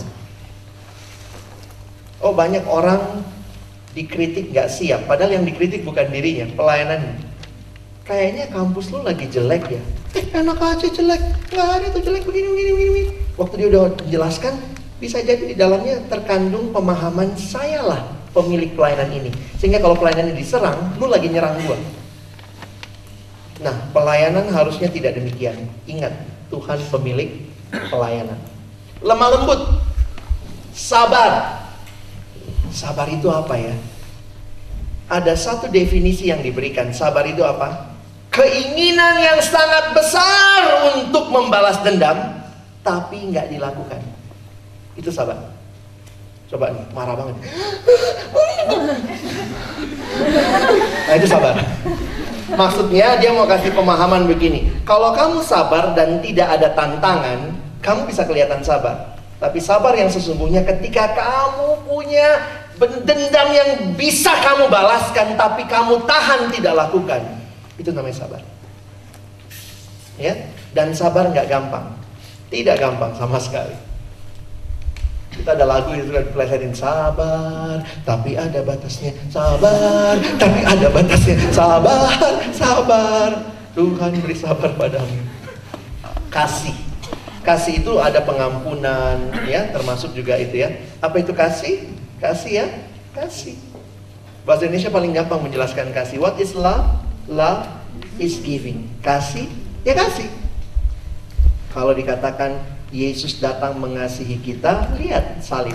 Dia berikan nyawanya. Itulah bukti dia mengasihi kita. Kasih tidak mementingkan diri, tapi mementingkan orang yang dikasihi. Makanya dalam kasih pasti ada pengorbanan. Orang rela berkorban. Ya apa-apalah korbannya. Kalau orang jatuh cinta juga begitu kan? Maka ada yang bilang, kalau dia bilang dia mengasihimu tapi nggak pernah ada buktinya, Aku mengasihimu cuma di mulut aja. Gak pernah bawa pisang goreng, gak pernah bawa apa gitu ya. Kasih harus ada buktinya. Gimana rumahmu Butet? Jauh bang. Apa jauh? Gunung kan kudaki. Lautan kan ku seberangi. Lembah kan ku turuni. Minta ongkosnya. Aduh, oke. Okay. Baik, saya berhenti dulu sampai sini karena udah selesai materinya. Ada pertanyaan? Kan karakter yang dibutuhkan dalam kepengurusan tadi salah satu dibilang sabar gitu. Nah, memang juga pasti juga pemikiran manusia juga pas sabar uh, sabar itu pasti ada batasnya seperti itu. Memang kita diajarin untuk sabar, cuma yang menjadi masalah ada satu titik tertentu di mana kita benar-benar udah nggak sabar dan kita kayak pengen teriakin ke orang gitu misalnya Eh, kira-kira ada nggak sih maksudnya tips dari Kak Alex gitu mengenai bagaimana memaintain kesabaran itu meskipun kita dihadapkan pada satu uh, apa pada satu hal yang mungkin itu benar-benar kita kayak nggak bisa terima atau mungkin kita ada trauma akan hal itu seperti itu. Hmm, hmm. Saya jawab dulu ya. Kalau saya pribadi akhirnya menghayati begini, sering kali kita berlaku berbeda untuk situasi dan konteks berbeda. Misalnya, kalau itu temanmu yang bikin kamu nggak sabaran, kamu banyak kesel sama dia gitu ya. Tapi coba ganti sedikit asumsimu. Itu adikmu, itu kakakmu, itu keluarga kandungmu. will you do the same? Atau malah, iya kak, kalau gue malah makin senang teriakin, kakak, gitu ya. Saya nggak tahu, tapi maksudnya kadang-kadang saya melihat begini, ketika kita belum sampai kepada penghayatan ini, saudara, Tuhan banyak kasih gambaran keluarga. Dan dalam anugerah Tuhan kita disebut brothers and sisters. Kalau kita masih lihat teman pelayanan kita sering kali hanya sebagai orang jauh yang istilahnya nggak ada hubungannya sama kita sering kali juga cara kita melak, mem, mem, memperlakukannya bisa beda. Nah itu itu pertama ya. Bawalah dulu dalam konsep ini saudara seiman. Dan kalau memang dia orang yang sungguh-sungguh sebenarnya dia juga mau yang terbaik dong buat pelayanan ini. Cuma mungkin caranya beda. Lalu nanti masuk yang kedua kalau kamu mau melatih kesabaranmu, belajarlah kreatif. Kreatif dalam arti belajarlah mengasihi dia dengan cara yang lebih kreatif. Misalnya, buka rahasia dikit ya. Saya bergumul antara sabar dan disiplin. Mungkin itu juga pergumulan. Karena banyak kali kita nggak sabar. Kalau itu permasalahan karakter biasanya kan muncul dalam perilaku. Jadi saya misalnya pernah nggak sabaran sama satu anak karena dia terlambat terus, terlambat terus. Dan dalam ketidaksabaran saya, gaya yang saya pakai karena saya pemimpin, saya menekan dia. Menekannya macam-macam. Kalau dia datang terlambat, saya pura-pura. Misalnya itu kan cara menekan. Karena juga ternyata saya sadar saya nggak berani ngajak dia ngomong. Jadi saya berharap, ya itulah asumsi saya. Lu ngerti dong. Tapi saya tambah kesel waktu dia nyantai aja. Halo kak. Ini orang apa? gitu ya. Ah. Terus udah banyak yang bilang sama saya, kak ajak ngomong kak, kak ajak ngomong. Udah nggak bener nih, kak ajak ngomong saya, saya mulai bingung. Kalau saya ngajak ngomong, pasti saya teriakin. Disiplin apa? Tapi lama-lama waktu itu saya berdoa sama Tuhan, saya bilang Tuhan, gimana caranya? Akhirnya saya menempatkan dia sebagai my brother, my dear brother. Dan memang dalam dalam hati saya waktu saya selidiki paling dalam, saya sayang sekali sama dia. Saya bilang sama dia, akhirnya saya panggil. Apa yang Kak Alex bisa lakukan untuk nolong kamu tidak terlambat? Jadi saya masuk dalam menempatkan diri. Saya tidak sedang mau menghukum kamu, saya mau nolongin kamu. Ada nggak yang bisa saya lakukan supaya kamu nggak terlambat? Kalau itu bisa dilakukan, please Kak Alex. Kalau saya, kalau saya harus telepon kamu setiap hari, no problem. Apa yang Kak Alex bisa lakukan supaya kamu tidak terlambat? Kenapa? Saya dapat saat teduhnya Filipi 2 anggaplah yang lain lebih utama. Maka saya berpikir bukan menghukum dia, bikin dia rasa bersalah, tapi saya mau dia baik. Menganggap dia, dia bisa baik. Karena itu saya tanya sama dia, apa yang kamu bisa, apa yang Kak Alex bisa tolong supaya kamu tidak terlambat. Wah ternyata powerful banget ya. Keluar pengakuan dosa yang gak pernah saya minta. Sorry kak, di rumah begini, begini, begini, begini. Jadi kadang saya terlambat begini, begini, begini, begini. Iya kak, saya udah coba tiga minggu ini begini, begini, begini. Iya kak, tolong uh, ya kak Alex doain saya aja lah. Itu itu aja yang dilakukan sekarang. Oke. Okay. Sejak itu dia berkurang telatnya. Bukan nggak telat lagi, berkurang telatnya. Di pelayanan perkantas saya sering suka bilang sama staff, kamu terlambat berturut-turut empat minggu saya panggil kamu ke ruangan saya bagi saya itu disiplin. Jadi bukan masalah sabar, iya kasihan ya, kasihan ya, enggak. Saya mesti panggil dia. Jadi kalau saya udah lihat bang ini atau kakak ini terlambat terus-menerus, kami punya kesepakatan. Kesepakatan itu kami buat dalam konteks keluarga. Sejak saya memimpin, saya bilang saya minta kesepakatan keluarga. Kalau terlambat, SMS saya, please SMS saya. Buang pulsamu sedikit SMS saya. Jadi kalian tahu lah kalau hari Selasa, Rabu tuh banyak SMS yang saya terima dari para staff. Alex, aku masih di busway. Alex, aku masih di eh, kalau manggil Alex berarti lebih tua dari saya. bang, uh, aku begini, bang, aku begitu. Tapi karena itu kesepakatan yang kita buat, kesabaran, jadi kita memperlakukannya saudara nih.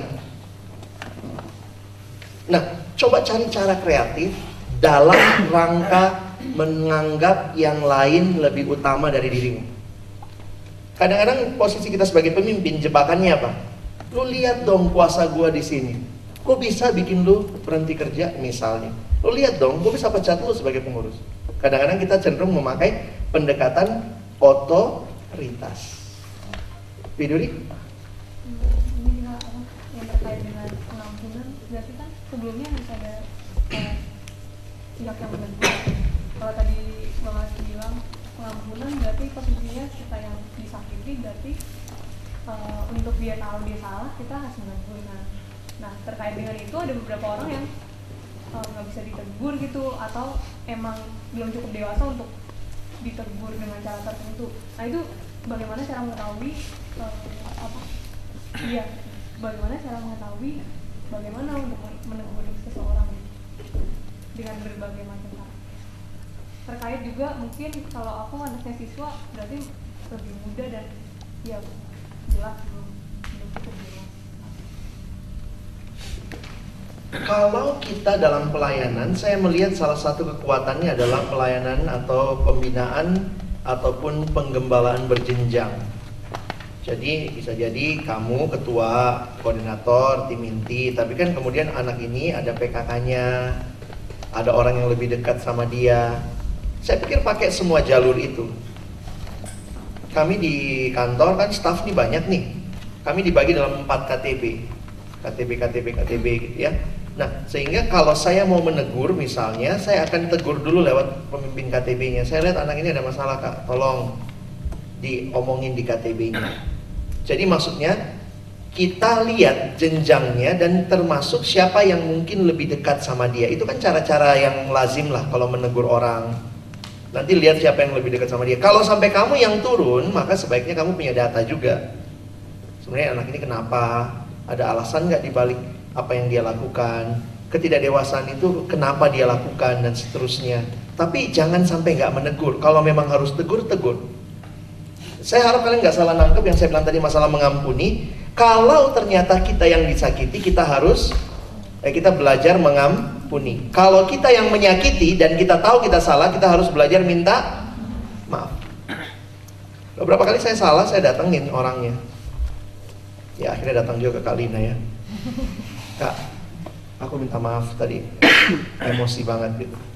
Iya Lex, lain kali jangan kayak gitu. Saya belajar ngomong belajar ngomong minta maaf tuh rasanya cuman karena saya ingat gitu dia kakak saya dia mengasihi saya dia saudara dalam Tuhan nah kalau adik itu kalau siswa ya dalam kemudaan dia dia tahu kamu sayang sama dia kamu mengasihi dia maka menegur itu tidak jadi satu hal yang aneh. Orang tuanya lakukan itu kok. Anak nggak ditegur jadi liar kan? Nah cuma mungkin cari cara yang siapa yang paling tepat menegur. Kita memang memperhatikan cara, suasana, bagaimana latar belakang, tapi jangan gara-gara cara, suasana, latar belakang terlalu lama memikirkan bagaimana menegur, akhirnya tidak menegur. Itu yang sering kali jadi masalah. Terkait dengan itu mungkin nggak sih yang lebih muda menegur yang lebih tua? Oh bisa. Itu kita pelajari besok di firman ya. Siapa yang negur Eli?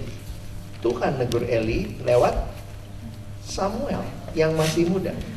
Ditegur dia. Terus waktu Samuel juga nggak enak kan? Eli desak-desak, apa sih Sam? Apa sih Sam? Tuhan kasih tahu apa Sam? Bapak, bapak dan seisi rumah, oh kampus gitu kan? kan gimana cara yang ngasih tahu gitu ya? Negur kan? Tapi kalau memang dia salah, kita mesti belajar. Makanya di dalam kedewasaan kita, salah satu bukti kedewasaan sebenarnya kita berani terima teguran dari yang muda maupun dari yang tua. Boleh bela diri, ya boleh bela diri dalam arti maksudnya kamu lihat sisi kamu ceritain gitu. Makanya memang enaknya kalau kita punya waktu ketemu berdua. Ya saya banyak sih ngadepin konflik ya. Saya mimpin di perkantas ini udah tahun yang ke 8 masuk tahun yang ke-9 saya jadi pemimpin di perkantas saya harus mimpin kasarnya mimpin yang lebih senior. Ada Bang Sagala di situ, ada Kak Lina, ada Bang Eli Yunus, ada Kak Vivi. Itu semua senior saya. Nah, yang junior juga banyak. Ada Mas Pur, ada Bang Abe, ada Bang Sahat. Gimana caranya bisa mengatur itu semua? Ya, saya juga lihat saya ditolong dengan kita punya kelompok-kelompok KTB. Jadi ada orang-orang yang nanti mungkin lebih dekat, lebih mengerti pergumulan. Karena makin banyak orang, saya makin sulit mengerti. Kenapa sih orang ini nggak nggak nggak sesuai yang diharapkan? Ternyata waktu tanya pemimpin KTB-nya, oh dia lagi ada masalah di rumah, ada begini-begini. Oh iya, saya jadi ngerti. Nah kadang-kadang kan kita pemimpin kurang data. Yang kita lihat adalah dia nggak disiplin, dia nggak bener. Lalu kita mau langsung benerin dia. Nah ini jadi masalah. Ya, ada yang lain? gimana ya oh ya saya punya langsung aja ya SKK saya Hmm. Dia itu sifatnya kalau memang dia lagi kepahitan ataupun uh, dia punya masalah gitu itu HPDT-nya langsung rusak bang Hmm. dia nggak sate dia nggak dia nggak pelayanan lah Hmm. gitu nah saya waktu itu pernah sempet bilang ke PKK saya mau bilang sama dia untuk nyadarin sifat dia itu yang Hmm. akhirnya jadi ujungnya kita nggak kelompok kecil pernah saya share uh, cerita cerita lah sama si A, teman saya ini katanya uh, ya uh, aku sadar kok aku kayak gini ya udah Hmm. diemin aku aja tapi dia nggak sadar kalau akhirnya itu berdampak dengan Hmm. uh, orang dekatnya itu nah sampai pernah saya bilang saya pingin ngasih tau uh, kelakuan kamu itu akhirnya berdampak sama kita kita Hmm. jadi nggak kelompok kecil gitu kan cuman saya takutnya dia malah ntar nggak jadi keluar dari kelompok kecil kayak gitu jadi sebenarnya gimana ya untuk ngasih nyadarin dianya gitu tuh Inilah yang memang jadi misteri waktu saudara menyelesaikan konflik. Bisa benar-benar memang dia berubah atau dia keluar. Tapi saya pikir kalau kita tidak menegur sama juga kita nggak tahu apa yang mungkin terjadi kan. Nah karena itu dalam menegur itu pastikanlah bahwa kamu tulus. Kamu tulus, kamu tidak sedang jelekin dia. Dan harusnya kalau kamu tulus, meskipun sekarang dia sakit hati, mungkin satu waktu dia akan ngeliat. Ini orang, kalaupun misalnya akhirnya dia keluar ya, dia akan ngeliat gitu. Lalu kalau bisa dua tiga orang, kalau ada saksi kan lebih enak, atau ada teman-teman yang mengasihi. Lalu mungkin yang berikutnya lagi, kalau saya sih melihat ini ini terkait dengan pembinaan ya, sebaiknya kalian juga dibina di dalam karakter. Rata-rata kita belajar MHB, kita belum masuk ke bahan karakter. Kenapa MHB-nya nggak habis 2 tahun? Jadi kita jarang masuk ke bak. Jadi ada yang sudah pernah PA karakter? Buku-buku karakter? PA tentang buah roh, kasih, sukacita, damai sejahtera, kesabaran, kemurahan. Itu dalam tahapan pembinaan kita itu ada sesudah MHB. Tapi saya jadi takut hal gituan nggak dibahas. Kalian nggak pernah bahas kasih di kelompok kecil, nggak pernah bahas pengampunan karena MHB aja kalian nggak berjuang habisin. Nah makanya mungkin persekutuan perlu memikirkan tema-tema seperti itu masuk dan dibahas. Selain memang usaha yang kita lakukan dari teman dekat, nyadarin dia, tetap menegur dia dengan apa pun dampak yang bisa terjadi, kita backup dengan doa. Tapi jangan lupa kita jadi orang-orang yang harusnya diisi dengan konsep pengampunan, konsep kesabaran, dan itu tidak muncul kalau kamu nggak keluar MHB. Karena itu bahan sesudah MHB. Belilah di luar, judulnya sesudah memulai hidup baru sekarang namanya karakter hidup baru. Jadi pipa, eh sorry, sekarang kan pakainya PHB, uh, pol- uh, peta hidup baru, habis itu MHB, memulai hidup baru, habis itu PHB, eh, KHB. KHB itu isinya ketuhanan Kristus dan karakter. Dibahas tentang kasih, uh, beberapa hal lah. Saya agak takut juga nih, kelompok kecil yang mandek membuat banyak hal kalian nggak nikmati waktu di kampus. Sesudah KHB masuk ke KTB misi, harusnya begitu. Saya ngalamin semua rangkaian itu di kampus. Sampai KTB kami punya proyek misi. Termasuk ke Klaten waktu itu ke anak jalanan itu terjadi selama saya di kampus. Sekarang bahan mentok di MHB. MHB untuk apa? Diri sendiri. Benar nggak?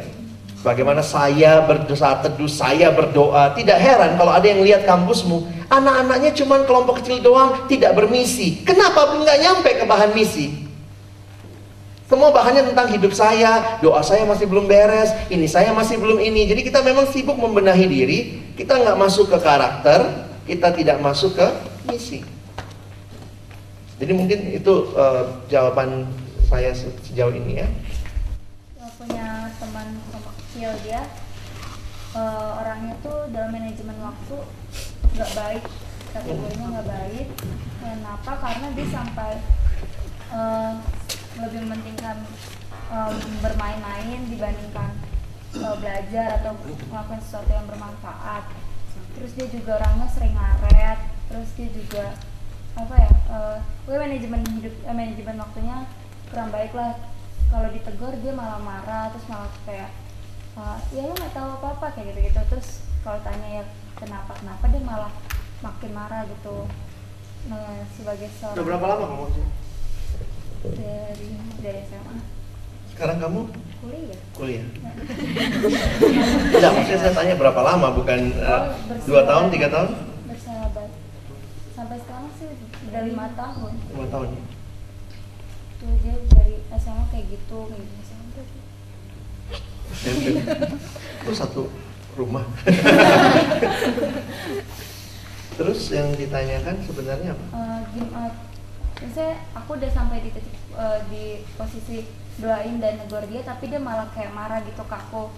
Uh, terus bilang kalau gini-gini gitu. Nah apa yang harus aku bisa lakukan selain aku doa dan uh, negor dia?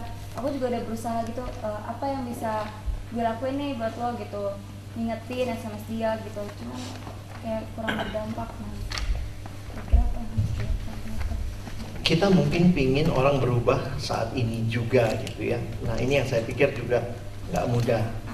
Mungkin Tuhan saya sering kali bilang begini juga apa bukan bilangnya saya sering kali menyadari gitu. Pernah nggak doa minta kesabaran? Pernah? Kalian berdoa minta kesabaran? Pernah? Nah ini jawabannya. Sabarlah sama dia sampai kapan? Kan jawaban. Kalau enggak dari mana kita sabar? Sabar itu bukan teori kan sabar itu bukan catat khotbah saya tentang sabar tiga hal tentang sabar satu, dua, tiga. Sabar itu dibuktikan waktu pulang gereja, lihat di lapangan parkir. Eh, kau maju mobilmu, aku mau pulang nih. Kalau itu sabar itu adalah karakter. Kalau kalian belajar karakter, ini rata-rata belum masuk karakter ya. Apa itu karakter? Karakter itu sesuatu yang melekat dengan diri kita. Jadi kalimat sederhananya begini, kamu menabur tindakan, kamu menuai kebiasaan. Kamu menabur kebiasaan, kamu menuai karakter. Kamu menabur karakter, kamu menuai hidup. Nah, menariknya adalah kalau itu jadi karakter, itu terus menerus.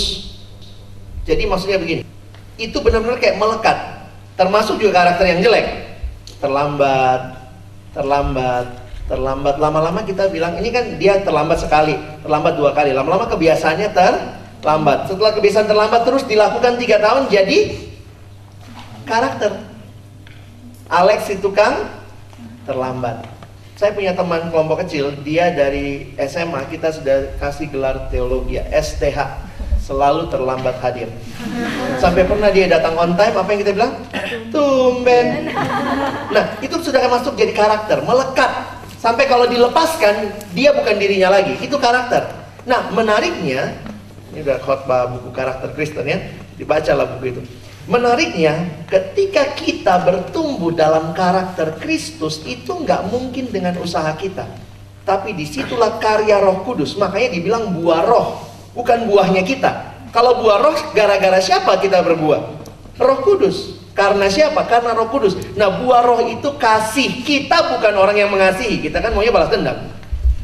Kesabaran, kita bukan orang yang sabar. Jadi, hanya ketika kita tinggal di dalam Tuhan, di dalam Roh Kudus, maka Roh Kudus akan menolong kita menghasilkan buah itu. Nah, itu yang harus diasah dalam hidup. Mesti dilatih, mesti dibangun dan mengizinkan Roh Kudus menghasilkan buah itu. Nah, itu yang tadi saya tanya, sudah berapa lama kalian bersahabat? Dan kalau belum ada sampai sekarang buahnya, meyakini orang bisa berubah? Terus doain, terus ingetin. Saya senang dengan pemimpin kelompok kecil saya dari dulu. Waktu kami kelompok kecil, setiap semester dia tanya, lanjut atau tidak. Jadi apa ya? eh, evaluasi dengan pemimpin kelompok kecil saya cukup jelas. Setiap semester ditanya, mau lanjut atau tidak. Dan itu saya biasakan kepada adik-adik kelompok kecil saya. Termasuk waktu tidak disiplin, saya tantang. Kamu nggak disiplin, maaf. Apalagi kita udah jalan 3 tahun, 4 tahun. Kamu nggak disiplin ke Alex pindah ke tempat lain. Saya langsung begitu, saya tidak takut ke kekurangan anak kelompok kecil. Kenapa? Tuhan banyak kok, Tuhan mau sediakan orang untuk dibina. Kalau orang itu tidak berubah-berubah, maksudnya tidak menunjukkan perubahan yang signifikan sedikit, maka kita tantang dia mau tetap, kalau mau tetap berarti kesabaran kita diuji. Kalau kita tantang dia keluar, berarti memang dia nggak tahan uji. Kalau saya sih sederhananya begitu. Kalau dia masuk kelompok kecil, biasanya saya kejar 6 bulan. Saya kalau ngejar orang tuh benar-benar ngejar. Zaman itu belum ada handphone segala macam, saya ngejar tuh. Saya tulis surat kepada anak kelompok kecil saya. Jangan lupa ya, besok Kamis jam 10 kirim surat. Saya ingetin kalau ketemu di persekutuan, saya telepon malamnya. Pas jamnya saya tunggu depan kelasnya. Eh bang, fotokopi dulu ya. Oh ya saya juga pas mau fotokopi yo daripada lu lari. Good. Bang, lapar nih makan dulu. Oh saya juga lapar. Ayo gitu. Saya tempel bener 6 bulan. Selebihnya saya lihat respon mereka. Ini bener mau ikut kelompok kecil nggak? Saya tantang kan. Mau kelompok kecil? Nggak mau nggak apa-apa. Saya berhenti. Sekarang ada PKK-PKK mempertahankan kelompok kecil 3 tahun ternyata ketemu selama 3 tahun baru dua kali. Ngapain? Kamu mendingan pimpin kelompok yang mau dibina, jangan sampai buang mutiara sama babi. Saya nggak bilang kamu babi gitu ya, tapi contoh itu adik kelompok kecil saya yang main gitarnya dibolak-balik gitu ya. Itu adik kelompok kecil saya dari SMA, Bang Abi yang main gitar kebalik gitu. Dia udah pulang, nah waktu dia SMA, saya mimpin. Saya tinggal di Kelapa Gading, saya mimpin kelompok kecil di Depok dan di Depok di SMA 1 Depok. Saya datang ke SMA 1 Depok setiap hari Kamis. Kelompok kecil jam 1. Jadi saya pegang mereka dari kelas 2 SMA. Ya namanya anak SMA ya kita mesti pendekatan dengan baik, sabar gitu ya. Nah, tapi lama-lama ketika saya mulai tuntut komitmen, karena saya bikin perjanjian kelompok kecil. Saya dengan anak SMA tanda tangan, kamu berjanji. Datang dan persiapan. Tidak datang persiapan, saya marahin. Maksudnya saya mau datang membina orang, saya agak takut memang kalau kalian baru pertama kali memimpin kelompok kecil takut kali ya kalau anaknya mundur ya. Aduh nanti dia mundur gimana bang? Kalau saya nggak terlalu takut lagi lah. Kalau dia mundur mungkin Tuhan pakai orang lain buat dia. Sehingga saya nggak nggak buang waktu. Nah terus waktu itu sudah satu tahun kami jalan tiba-tiba mereka makin liar. Karena saya terlalu baik kali ya. Saya waktu itu baik sama mereka. Jadi saya datang ke sekolah jam satu. Kak main bola dulu ya. Main bola satu. Kak gini ya si Abi ini tugas nyari kelas kelas mana yang kami pakai buat ini. Jadi kadang-kadang saya nunggu, bisa tuh kami baru mulai hampir jam 2. Saya lihat ini makin makin ke belakang, makin gue sayang nih anak-anak, makin berandal nih. Makin berandal nih. Akhirnya di hari itu saya pikir saya udah mesti ngomong, saya doa sama Tuhan, saya bilang, saya datang, kami mulai kelompok jam 2. Masalahnya gini, jam 2 terus tiba-tiba jam 3 gini. Kak mau bimbingan, Kak mau bimbingan. Siapa yang telat? Lu yang telat kok gua?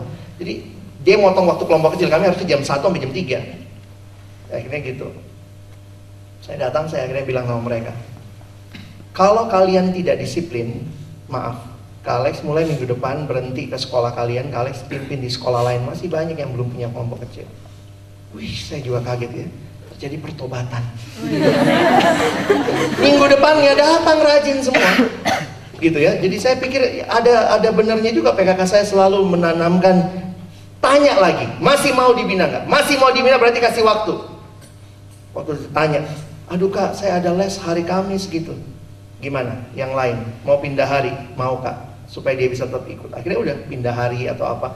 Jangan sampai kadang-kadang kita udah sepakatin waktu, tahu-tahu di tengah jalan diambil les. Kalau saya, saya bilang kalau ambil les, sorry ya keluar. Kalau teman-teman nggak mau ganti waktu, kamu kan ngambil les, sorry. Nah mungkin sorry kalau saya pendekatannya seperti itu, cuma kasih dan disiplin itu gimana caranya berjalan berbarengan itu memang sulit. Nah sampai sekarang kami masih KTB bulanan ya walaupun bukan KTB lagi ya supaya bisa tetap kumpul kami arisan. Ya, kami arisan eh, ini udah bulan yang ketiga ya kami arisan.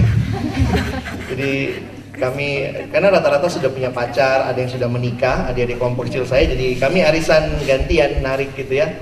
Eh, dengan Abi dan segala macam. Jadi saya bersyukur sih apa yang mereka nikmati dari SMA, saya mimpin mereka dari tahun 2004. Ya 2004 ya. Jadi saya mimpin mereka dari masa itu sampai sekarang udah pada selesai S2, sudah banyak yang menikah. Lalu kemudian pengurus-pengurus rokris di generasi mereka akhirnya kumpul. Jadi di kelompok kecil saya ada 6 plus teman-teman pengurus rokris. Jadi kami kalau KTB-an sekarang per bulan 20 orang gitu. Saya pikir karena mereka sendiri sadar kami butuh komunitas kak.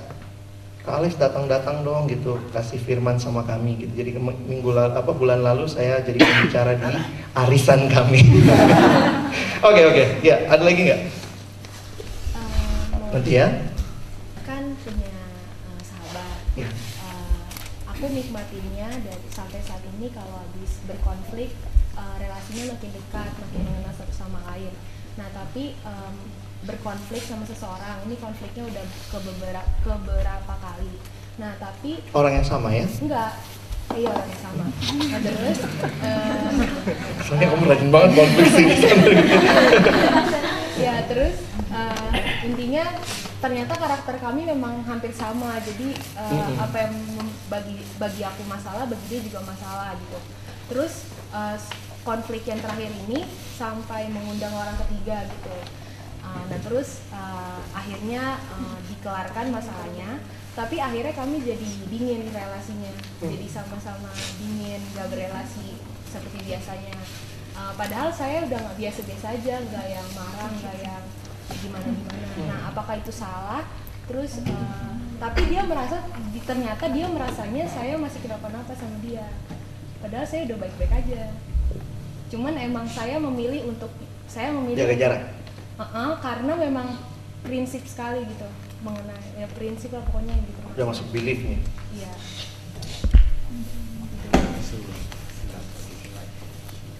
hubungan antar manusia itu nggak ada teorinya.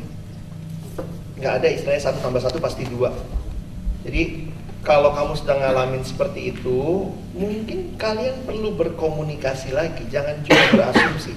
Dia berasumsi kamu masih begitu padahal kamu udah biasa. Itu kan udah asumsi belajarlah komunikasi nah mungkin komunikasi yang paling sederhana pertama doa tapi bukan cuma doa ke sana ketemu bareng doa bersama Nah, ini yang saya kadang-kadang memang sulit ya. Uh, harus saya akui ya, pacar apa nembak cewek, ceweknya nggak respon atau bilang tidak, bang ngaca dong gitu ya. Saya udah habis itu mungkin itu akan sulit lah. Ada beberapa relasi yang akan sulit kembali seperti semula. Jangan juga jadi terlalu apa ya idealis yang tidak realistis. Berharap balik seperti semula mungkin tidak akan persis seperti semula. Mungkin ada jarak yang mulai dijaga. Itu itu sudah resikonya. Tapi kalau itu membuat kita bertumbuh, justru kita nanti makin bisa bersikap lebih baik sebenarnya. Saya pikir Paulus dan Barnabas juga akhirnya kan ini itu itu yang paling ngeri sebenarnya buat saya. Pisah. Jadi kalau ada hamba Tuhan pendeta pecah gitu ya dulu satu gereja dia bikin gereja sendiri, saya kadang-kadang mikir uh, seprinsip apa sih? Ini Paulus Paulus sama Silas cuma gara-gara bawa orang yang meninggalkan. Ini berarti sudah masuk ke masalah belief ya. Pasti bukan cuma masalah service kan di permukaan. Ya, cobalah. Bagaimana cara kita menghadapi orang atau rekan sekerja yang dia lebih e, cenderung itu berasumsi gitu karena Hmm. dalam satu kasus yang pernah saya jumpai dalam kepengurusan adalah A, B dan C gitu dan si A dan B itu e, punya konflik gitu kan. dan e, si A ini dia sangat berasumsi kepada si B gitu tanpa sebenarnya sepengetahuan e, si B ini mereka punya konflik gitu ada ada hal-hal yang si A itu kira-kira nggak menurut dia itu si B itu nggak baik gitu dan itu menghambat relasi mereka gitu. Dan si si A itu cerita kepada si C dan asumsi-asumsi dari si A itu mempengaruhi si pikiran si C gitu. Dan akhirnya dan, dan itu mengkhawatirkan sih gitu. Maksudnya ini eh, saya sendiri bingung untuk menghadapi orang seperti ini gitu. Menurut Bang Alis saya lagi berpikir begini. Mengatasi hal-hal yang seperti itu, bisakah kita ciptakan persekutuan kita jadi persekutuan yang terbuka dan saling berkomunikasi? Jadi, kenapa kita berasumsi dan asumsi itu bahkan kita miliki begitu kuat, bahkan kita sharingkan sama orang lain, apakah memang kita tidak mengembangkan komunikasi yang baik dalam pelayanan kita? Nah, ini bagaimana? Jadi istilahnya begini yang sekarang bisa diatasi tapi kan sebaiknya ke depan jangan terjadi yang begitu-begitu lagi. Aku saya mengusulkan mungkinkah komunikasi-komunikasi pribadi kita bangun juga dalam pelayanan? Maksudnya begini bisa aja kita memberikan hal yang kreatif pada sebelum rapat. Misalnya sebelum rapat um, dulu kami punya kebiasaan setiap kali rapat kita punya teman doa satu minggu. Satu minggu itu kau doa sama dia jadi kalau diputer-puter, kita pernah temen doa sama satu orang. Dan sebelumnya misalnya kita sebelum rapat tiap orang sharing ya 5 menit 5 menit masing-masing sharing lalu kita jadi teman doa selama satu minggu sampai ketemu di rapat berikutnya atau gimana. Jadi izinkanlah semua orang mengenal yang lainnya juga. Ini ini mungkin cuma masalah cara bagaimana untuk supaya jangan berasumsi, tapi kita kenal dan salah satu hal yang menarik adalah ketika kita pernah mendoakan orang itu. Saya pikir ikatan yang paling kuat yang Tuhan jalin biasanya kalau kita jadi teman doa. Biasanya kalau kami di kantor juga setiap minggu kami staff saling mendoakan pelayanan satu minggu. Itu udah kebiasaan kami hari Rabu setelah kami doa kita doa setengah hari dari jam 9 sampai kira-kira jam 11 maka habis itu kami ada waktu untuk uh, sharing berdua. Dan diusahakan itu muter orangnya atau istilahnya jangan lapangan sama lapangan gitu ya kami ada staf kantor. Jadi di situ saya jadi ngerti. Jadi misalnya saya doain Bang Argius saya jadi tahu tuh jadwalnya Argius dari Kamis, Jumat, Sabtu. Kan hari Rabu doanya Kamis, Jumat, Sabtu, Minggu, Senin. Sampai sampai Selasa, Rabu kita ketemu lagi. Nah itu hal yang kami biasakan supaya kita pernah sharing dengan yang lain. Nah itu memberikan kesempatan asumsi tidak terlalu berkembang. Nah tapi kalau sekarang terjadi begitu, saya pikir kalian yang kenal lah anaknya. Sebaiknya dipertemukankah? Atau saya juga makin takut kepengurusan kita begitu datang langsung rapat, langsung bicaranya pelayanan. Tidak ada lagi kesempatan sharing diri kita sharing pergumulan kita, ketemu orang dari jauh, eh udah kelar belum tuh buletin? Eh udah selesai nggak? Udah dikontak nggak? Jadi orang kalau ketemu anak persekutuan udah takut deh. Atau kita masih, eh gimana? Bapak udah sembuh? Oh kok tahu? Oh iya kan lalu kita doa bareng. Gimana? Adikmu udah udah dapat jurusan. Kita masih kembangkan hal-hal begitu nggak dalam pelayanan kita, sehingga pelayanan ini bukan cuma ketemu orang dalam rangka tugas, ini keluarga, sahabat yang saling mendukung. Gimana caranya kalian coba pikirin lah apa misalnya gak rapat hari ini kita kebersamaan. Ya bisa bikin kebersamaan ya ke mana ya udahlah ke lapangan belakang gitu ya. Kalau bikin kelompok-kelompok sharing. Hari ini nggak ada ngomongin pelayanan, ngomongin diri kita. Apa yang jadi pergumulan terdalam kita. Cerita gitu. Kalau di FISIP nggak tahu sampai sekarang masih terjadi atau tidak. Setelah akhir masa kepengurusan selalu ada dua sharing. Satu sharing atau dua evaluasi. Satu evaluasi kepengurusan program dan kedua ada evaluasi pribadi. Itu dari zaman generasi sebelum kami diturunkan. Jadi setelah kita evaluasi semua program, maka seluruh pengurus akan cerita dia menikmati apa tahun ini dan siapa sahabat yang Tuhan berikan dalam tahun ini di antara pengurus. Jadi jangan jangan sampai kepengurusan tuh jadi cuma sekedar organisasi. Ya.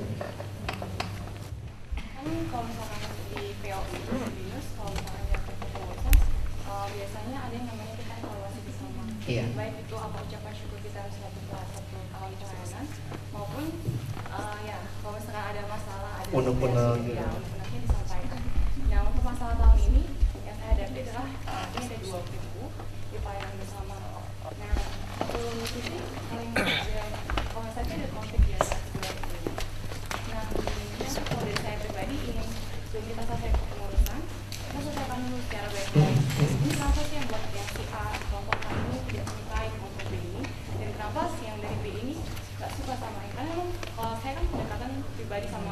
Orang-orang. ya kedua-dua kubu ini saya melihat bahwa memang ada hal-hal tertentu yang terkait prinsip yang memang tidak disukai kayak gitu sih. Nah masalahnya saya coba untuk pendekatan ah, ini kita mau eh, evaluasi terakhir, ayo kita sama-sama sharing buka-bukaan kayak gitu. Terus eh, dari yang sebelah sini bilang, ah, aduh mas, kayaknya gak usah deh, udah nggak peduli lagi sama dia, udah nggak usah, yang penting selesai ke pelayanan selesai, gue nggak bosan lagi sama dia, kayak gitu. Pengurusnya nggak Hmm. lanjut sih. Jadi itu sih yang jadi pergumulan aku sih, karena takutnya ini selesai pelayanan bukannya malah bertumbuh tapi Malah itu kepahitan. pergumulan saya pribadi sekali. Jadi saya bingung sampai saat ini, aduh Tuhan nih harus selesaikan pengurusan ini seperti apa. Sekali lagi tidak ada jawaban yang jitu untuk hal seperti itu, tapi kalau memang bebanmu, kerinduanmu itu, ya Imas doain. Doain dan cari waktu dan cara untuk mempertemukan istilahnya kalau ini yang terakhir, justru ini yang terakhir yang menentukan supaya jangan keluar membawa kepahitan. Tapi justru membawa melihat bahwa tidak ada dari kita yang sempurna mungkin kita perlulah ya ber-PA bersama-sama hal-hal seperti itu. Kalian pembinaan pengurusnya ngapain sekarang? Pembinaan pengurus ada nggak? Selama kalian jadi pengurus ada pembinaan bentuknya apa? KTB? Atau ada yang bawa firman lalu semua dengar gitu? Kalau saya sih mengusulkan kalau pembinaan-pembinaan pengurus bikin KTB dan campur orangnya sehingga dia punya kesempatan interaksi gali firman dengan orang-orang yang lain daripada ngundang pembicara kan kasih amplop baru saya sangat melihat soalnya begini sekarang kalian kayaknya penekanannya kepada pembicara pembinaan pengurus pembicara apa pembicara kalau saya lebih senang zaman saya mungkin karena nggak banyak pembicara pembinaan pengurus kami waktu itu adalah PA seluruh 2 Timotius Jadi kami bela- belajar 2 Timotius nah waktu belajar 2 Timotius kami gantian mimpin. Misalnya saya eh, kami empat orang yang mimpin ya. Dulu kami kayak tim inti itu berempat, empat ini mimpin. Nah, waktu mimpin eh, anggotanya tiap bulan karena kami pembinaan pengurus tiap bulan itu kan di rolling. Jadi saya pernah punya kesempatan PA bersama dia dan termasuk di bagian sharingnya. Kan biasa sharing aplikasi firman itu kan bisa kita lihat ya apa yang saya pelajari dari firman ini. Termasuk kita harusnya mulai masuk terbuka kepada hal-hal saya nggak terlalu suka lihat bahan PA yang begini aja eh, aplikasinya sharingkan apa yang anda dapatkan hari ini sharingkan dan doakan itu bahan PA pemalas kalau saya lebih senang makanya bahan PA kalian bikin sendiri sesuai dengan konteks kebutuhan, sesuai dengan apa. Misalnya tanya di bahan PA itu dan waktu PA kan ditanya, adakah teman, adakah orang tertentu dalam pelayanan ini yang misalnya masih menjadi batu sandungan buat kamu? Apa yang akan kamu lakukan untuk dia? Hal-hal kayak gitu harusnya ketika diangkat dalam bahan PA atau eh, bahannya jan- jangan cuma kamu copy paste. Beberapa saya lihat kalian pemalas juga ya, bahan di RK, bahan di RKKJ dipindah jadi bahan di kampus gitu ya. Nggak dibikin sesuai dengan konteks pergumulan di kampusmu. Banyak hal sering kali saya dikontak gitu ya, bang kami lagi bergumul nih, ada yang nggak suka satu sama lain. Jadi berharapnya bang Alex nih, jadi kalian sharing ke kesalahan sa- kalian ke saya, nanti bang Alex yang akan gampar-gamparin orang dari depan pakai firman, kira-kira begitu. Bagi saya sebenarnya kalian yang punya beban, kalian bikin bahan, kalian gali firman, kalian temukan apa prinsip firman yang menolong kalian keluar dari situ. Ini ini masukan lah buat ke depan. Karena saya makin melihat pelayanan kita udah sifatnya banyakan job, tugas-tugas, ketemunya pun cuma dengar pembicara ngomong, habis dengar pembicara, teman-teman jangan lupa ya, minggu depan kita rapat, tuh, pulang gitu. Nggak ada kesempatan satu sama lain bisa punya waktu share. Saya sih mendukung ya mas kalau mau lakukan itu istilahnya kalau that is the final things you can do for them apa pun responnya serahkan sama Tuhan tapi kalau itu jadi bebanmu share sama beberapa orang doain khusus supaya pertemuan itu jadi berkat ya. Oke. Supaya tidak terjadi konflik karena sudah ada yang menunggu kita yang makanan maksud saya ya. Kalau lihatnya gimana? Iya. Daripada konflik kepentingan saya sangat berharap teman-teman bertumbuh ya lewat konflik apa pun yang Tuhan izinkan. Kiranya kalian boleh terus bertumbuh. Baik, terima kasih untuk perhatiannya. Kita berdoa. Tuhan terima kasih buat kesempatan kami menggali prinsip-prinsip firman-Mu Melihat kepada kekayaan firman-Mu yang juga dengan begitu terbuka Menyatakan adanya konflik yang terjadi di generasi para rasul dan juga gereja mula-mula. Tapi kami sungguh bersyukur karena ini tidak membawa kami di dalam kehancuran atau mengorbankan pelayanan tetapi justru mengakibatkan pertumbuhan. Tentu dosa perselisihan menjadi tanggungan kami, tapi ironi itu tidak membuat anugerah Allah berhenti bekerja. Tapi Allah memakai terus dan terus sehingga juga menumbuhkan, memberikan pengampunan bagi orang-orang seperti Paulus untuk bisa menerima Markus kembali. Kami juga rindu hal-hal yang kami alami dalam masa pelayanan kami yang tidak lama Tuhan. Di kampus hanya sekitar 3-4 tahun. Biarlah tidak menjadi kepahitan batu sandungan tetapi benar-benar akhirnya boleh jadi berkat yang membawa kami dalam pertumbuhan yang lebih dewasa. Terima kasih Tuhan. Biarlah kami tidak lupa setiap kali kami mengalami pergumulan kami datang kepada Tuhan. Kami bergumul dengan firman-Mu melihat apa yang menjadi prinsip yang harus kami lakukan Termasuk prinsip yang begitu sulit menganggap yang lain lebih utama daripada diri kami. Tolong kami. Baik kalau sudah kami tidak lagi di kampus, kami mungkin akan ada di gereja, di lembaga-lembaga pelayanan, kami akan melayani di tempat-tempat yang lain, kami ingat terus prinsip-prinsip yang penting ini dalam relasi antar manusia. Terima kasih Tuhan. Kami sungguh berdoa agar kiranya kami bukan hanya jadi pendengar firman, tapi sungguh jadi pelaku firman-Mu. Dalam nama Yesus kami berdoa. Amin.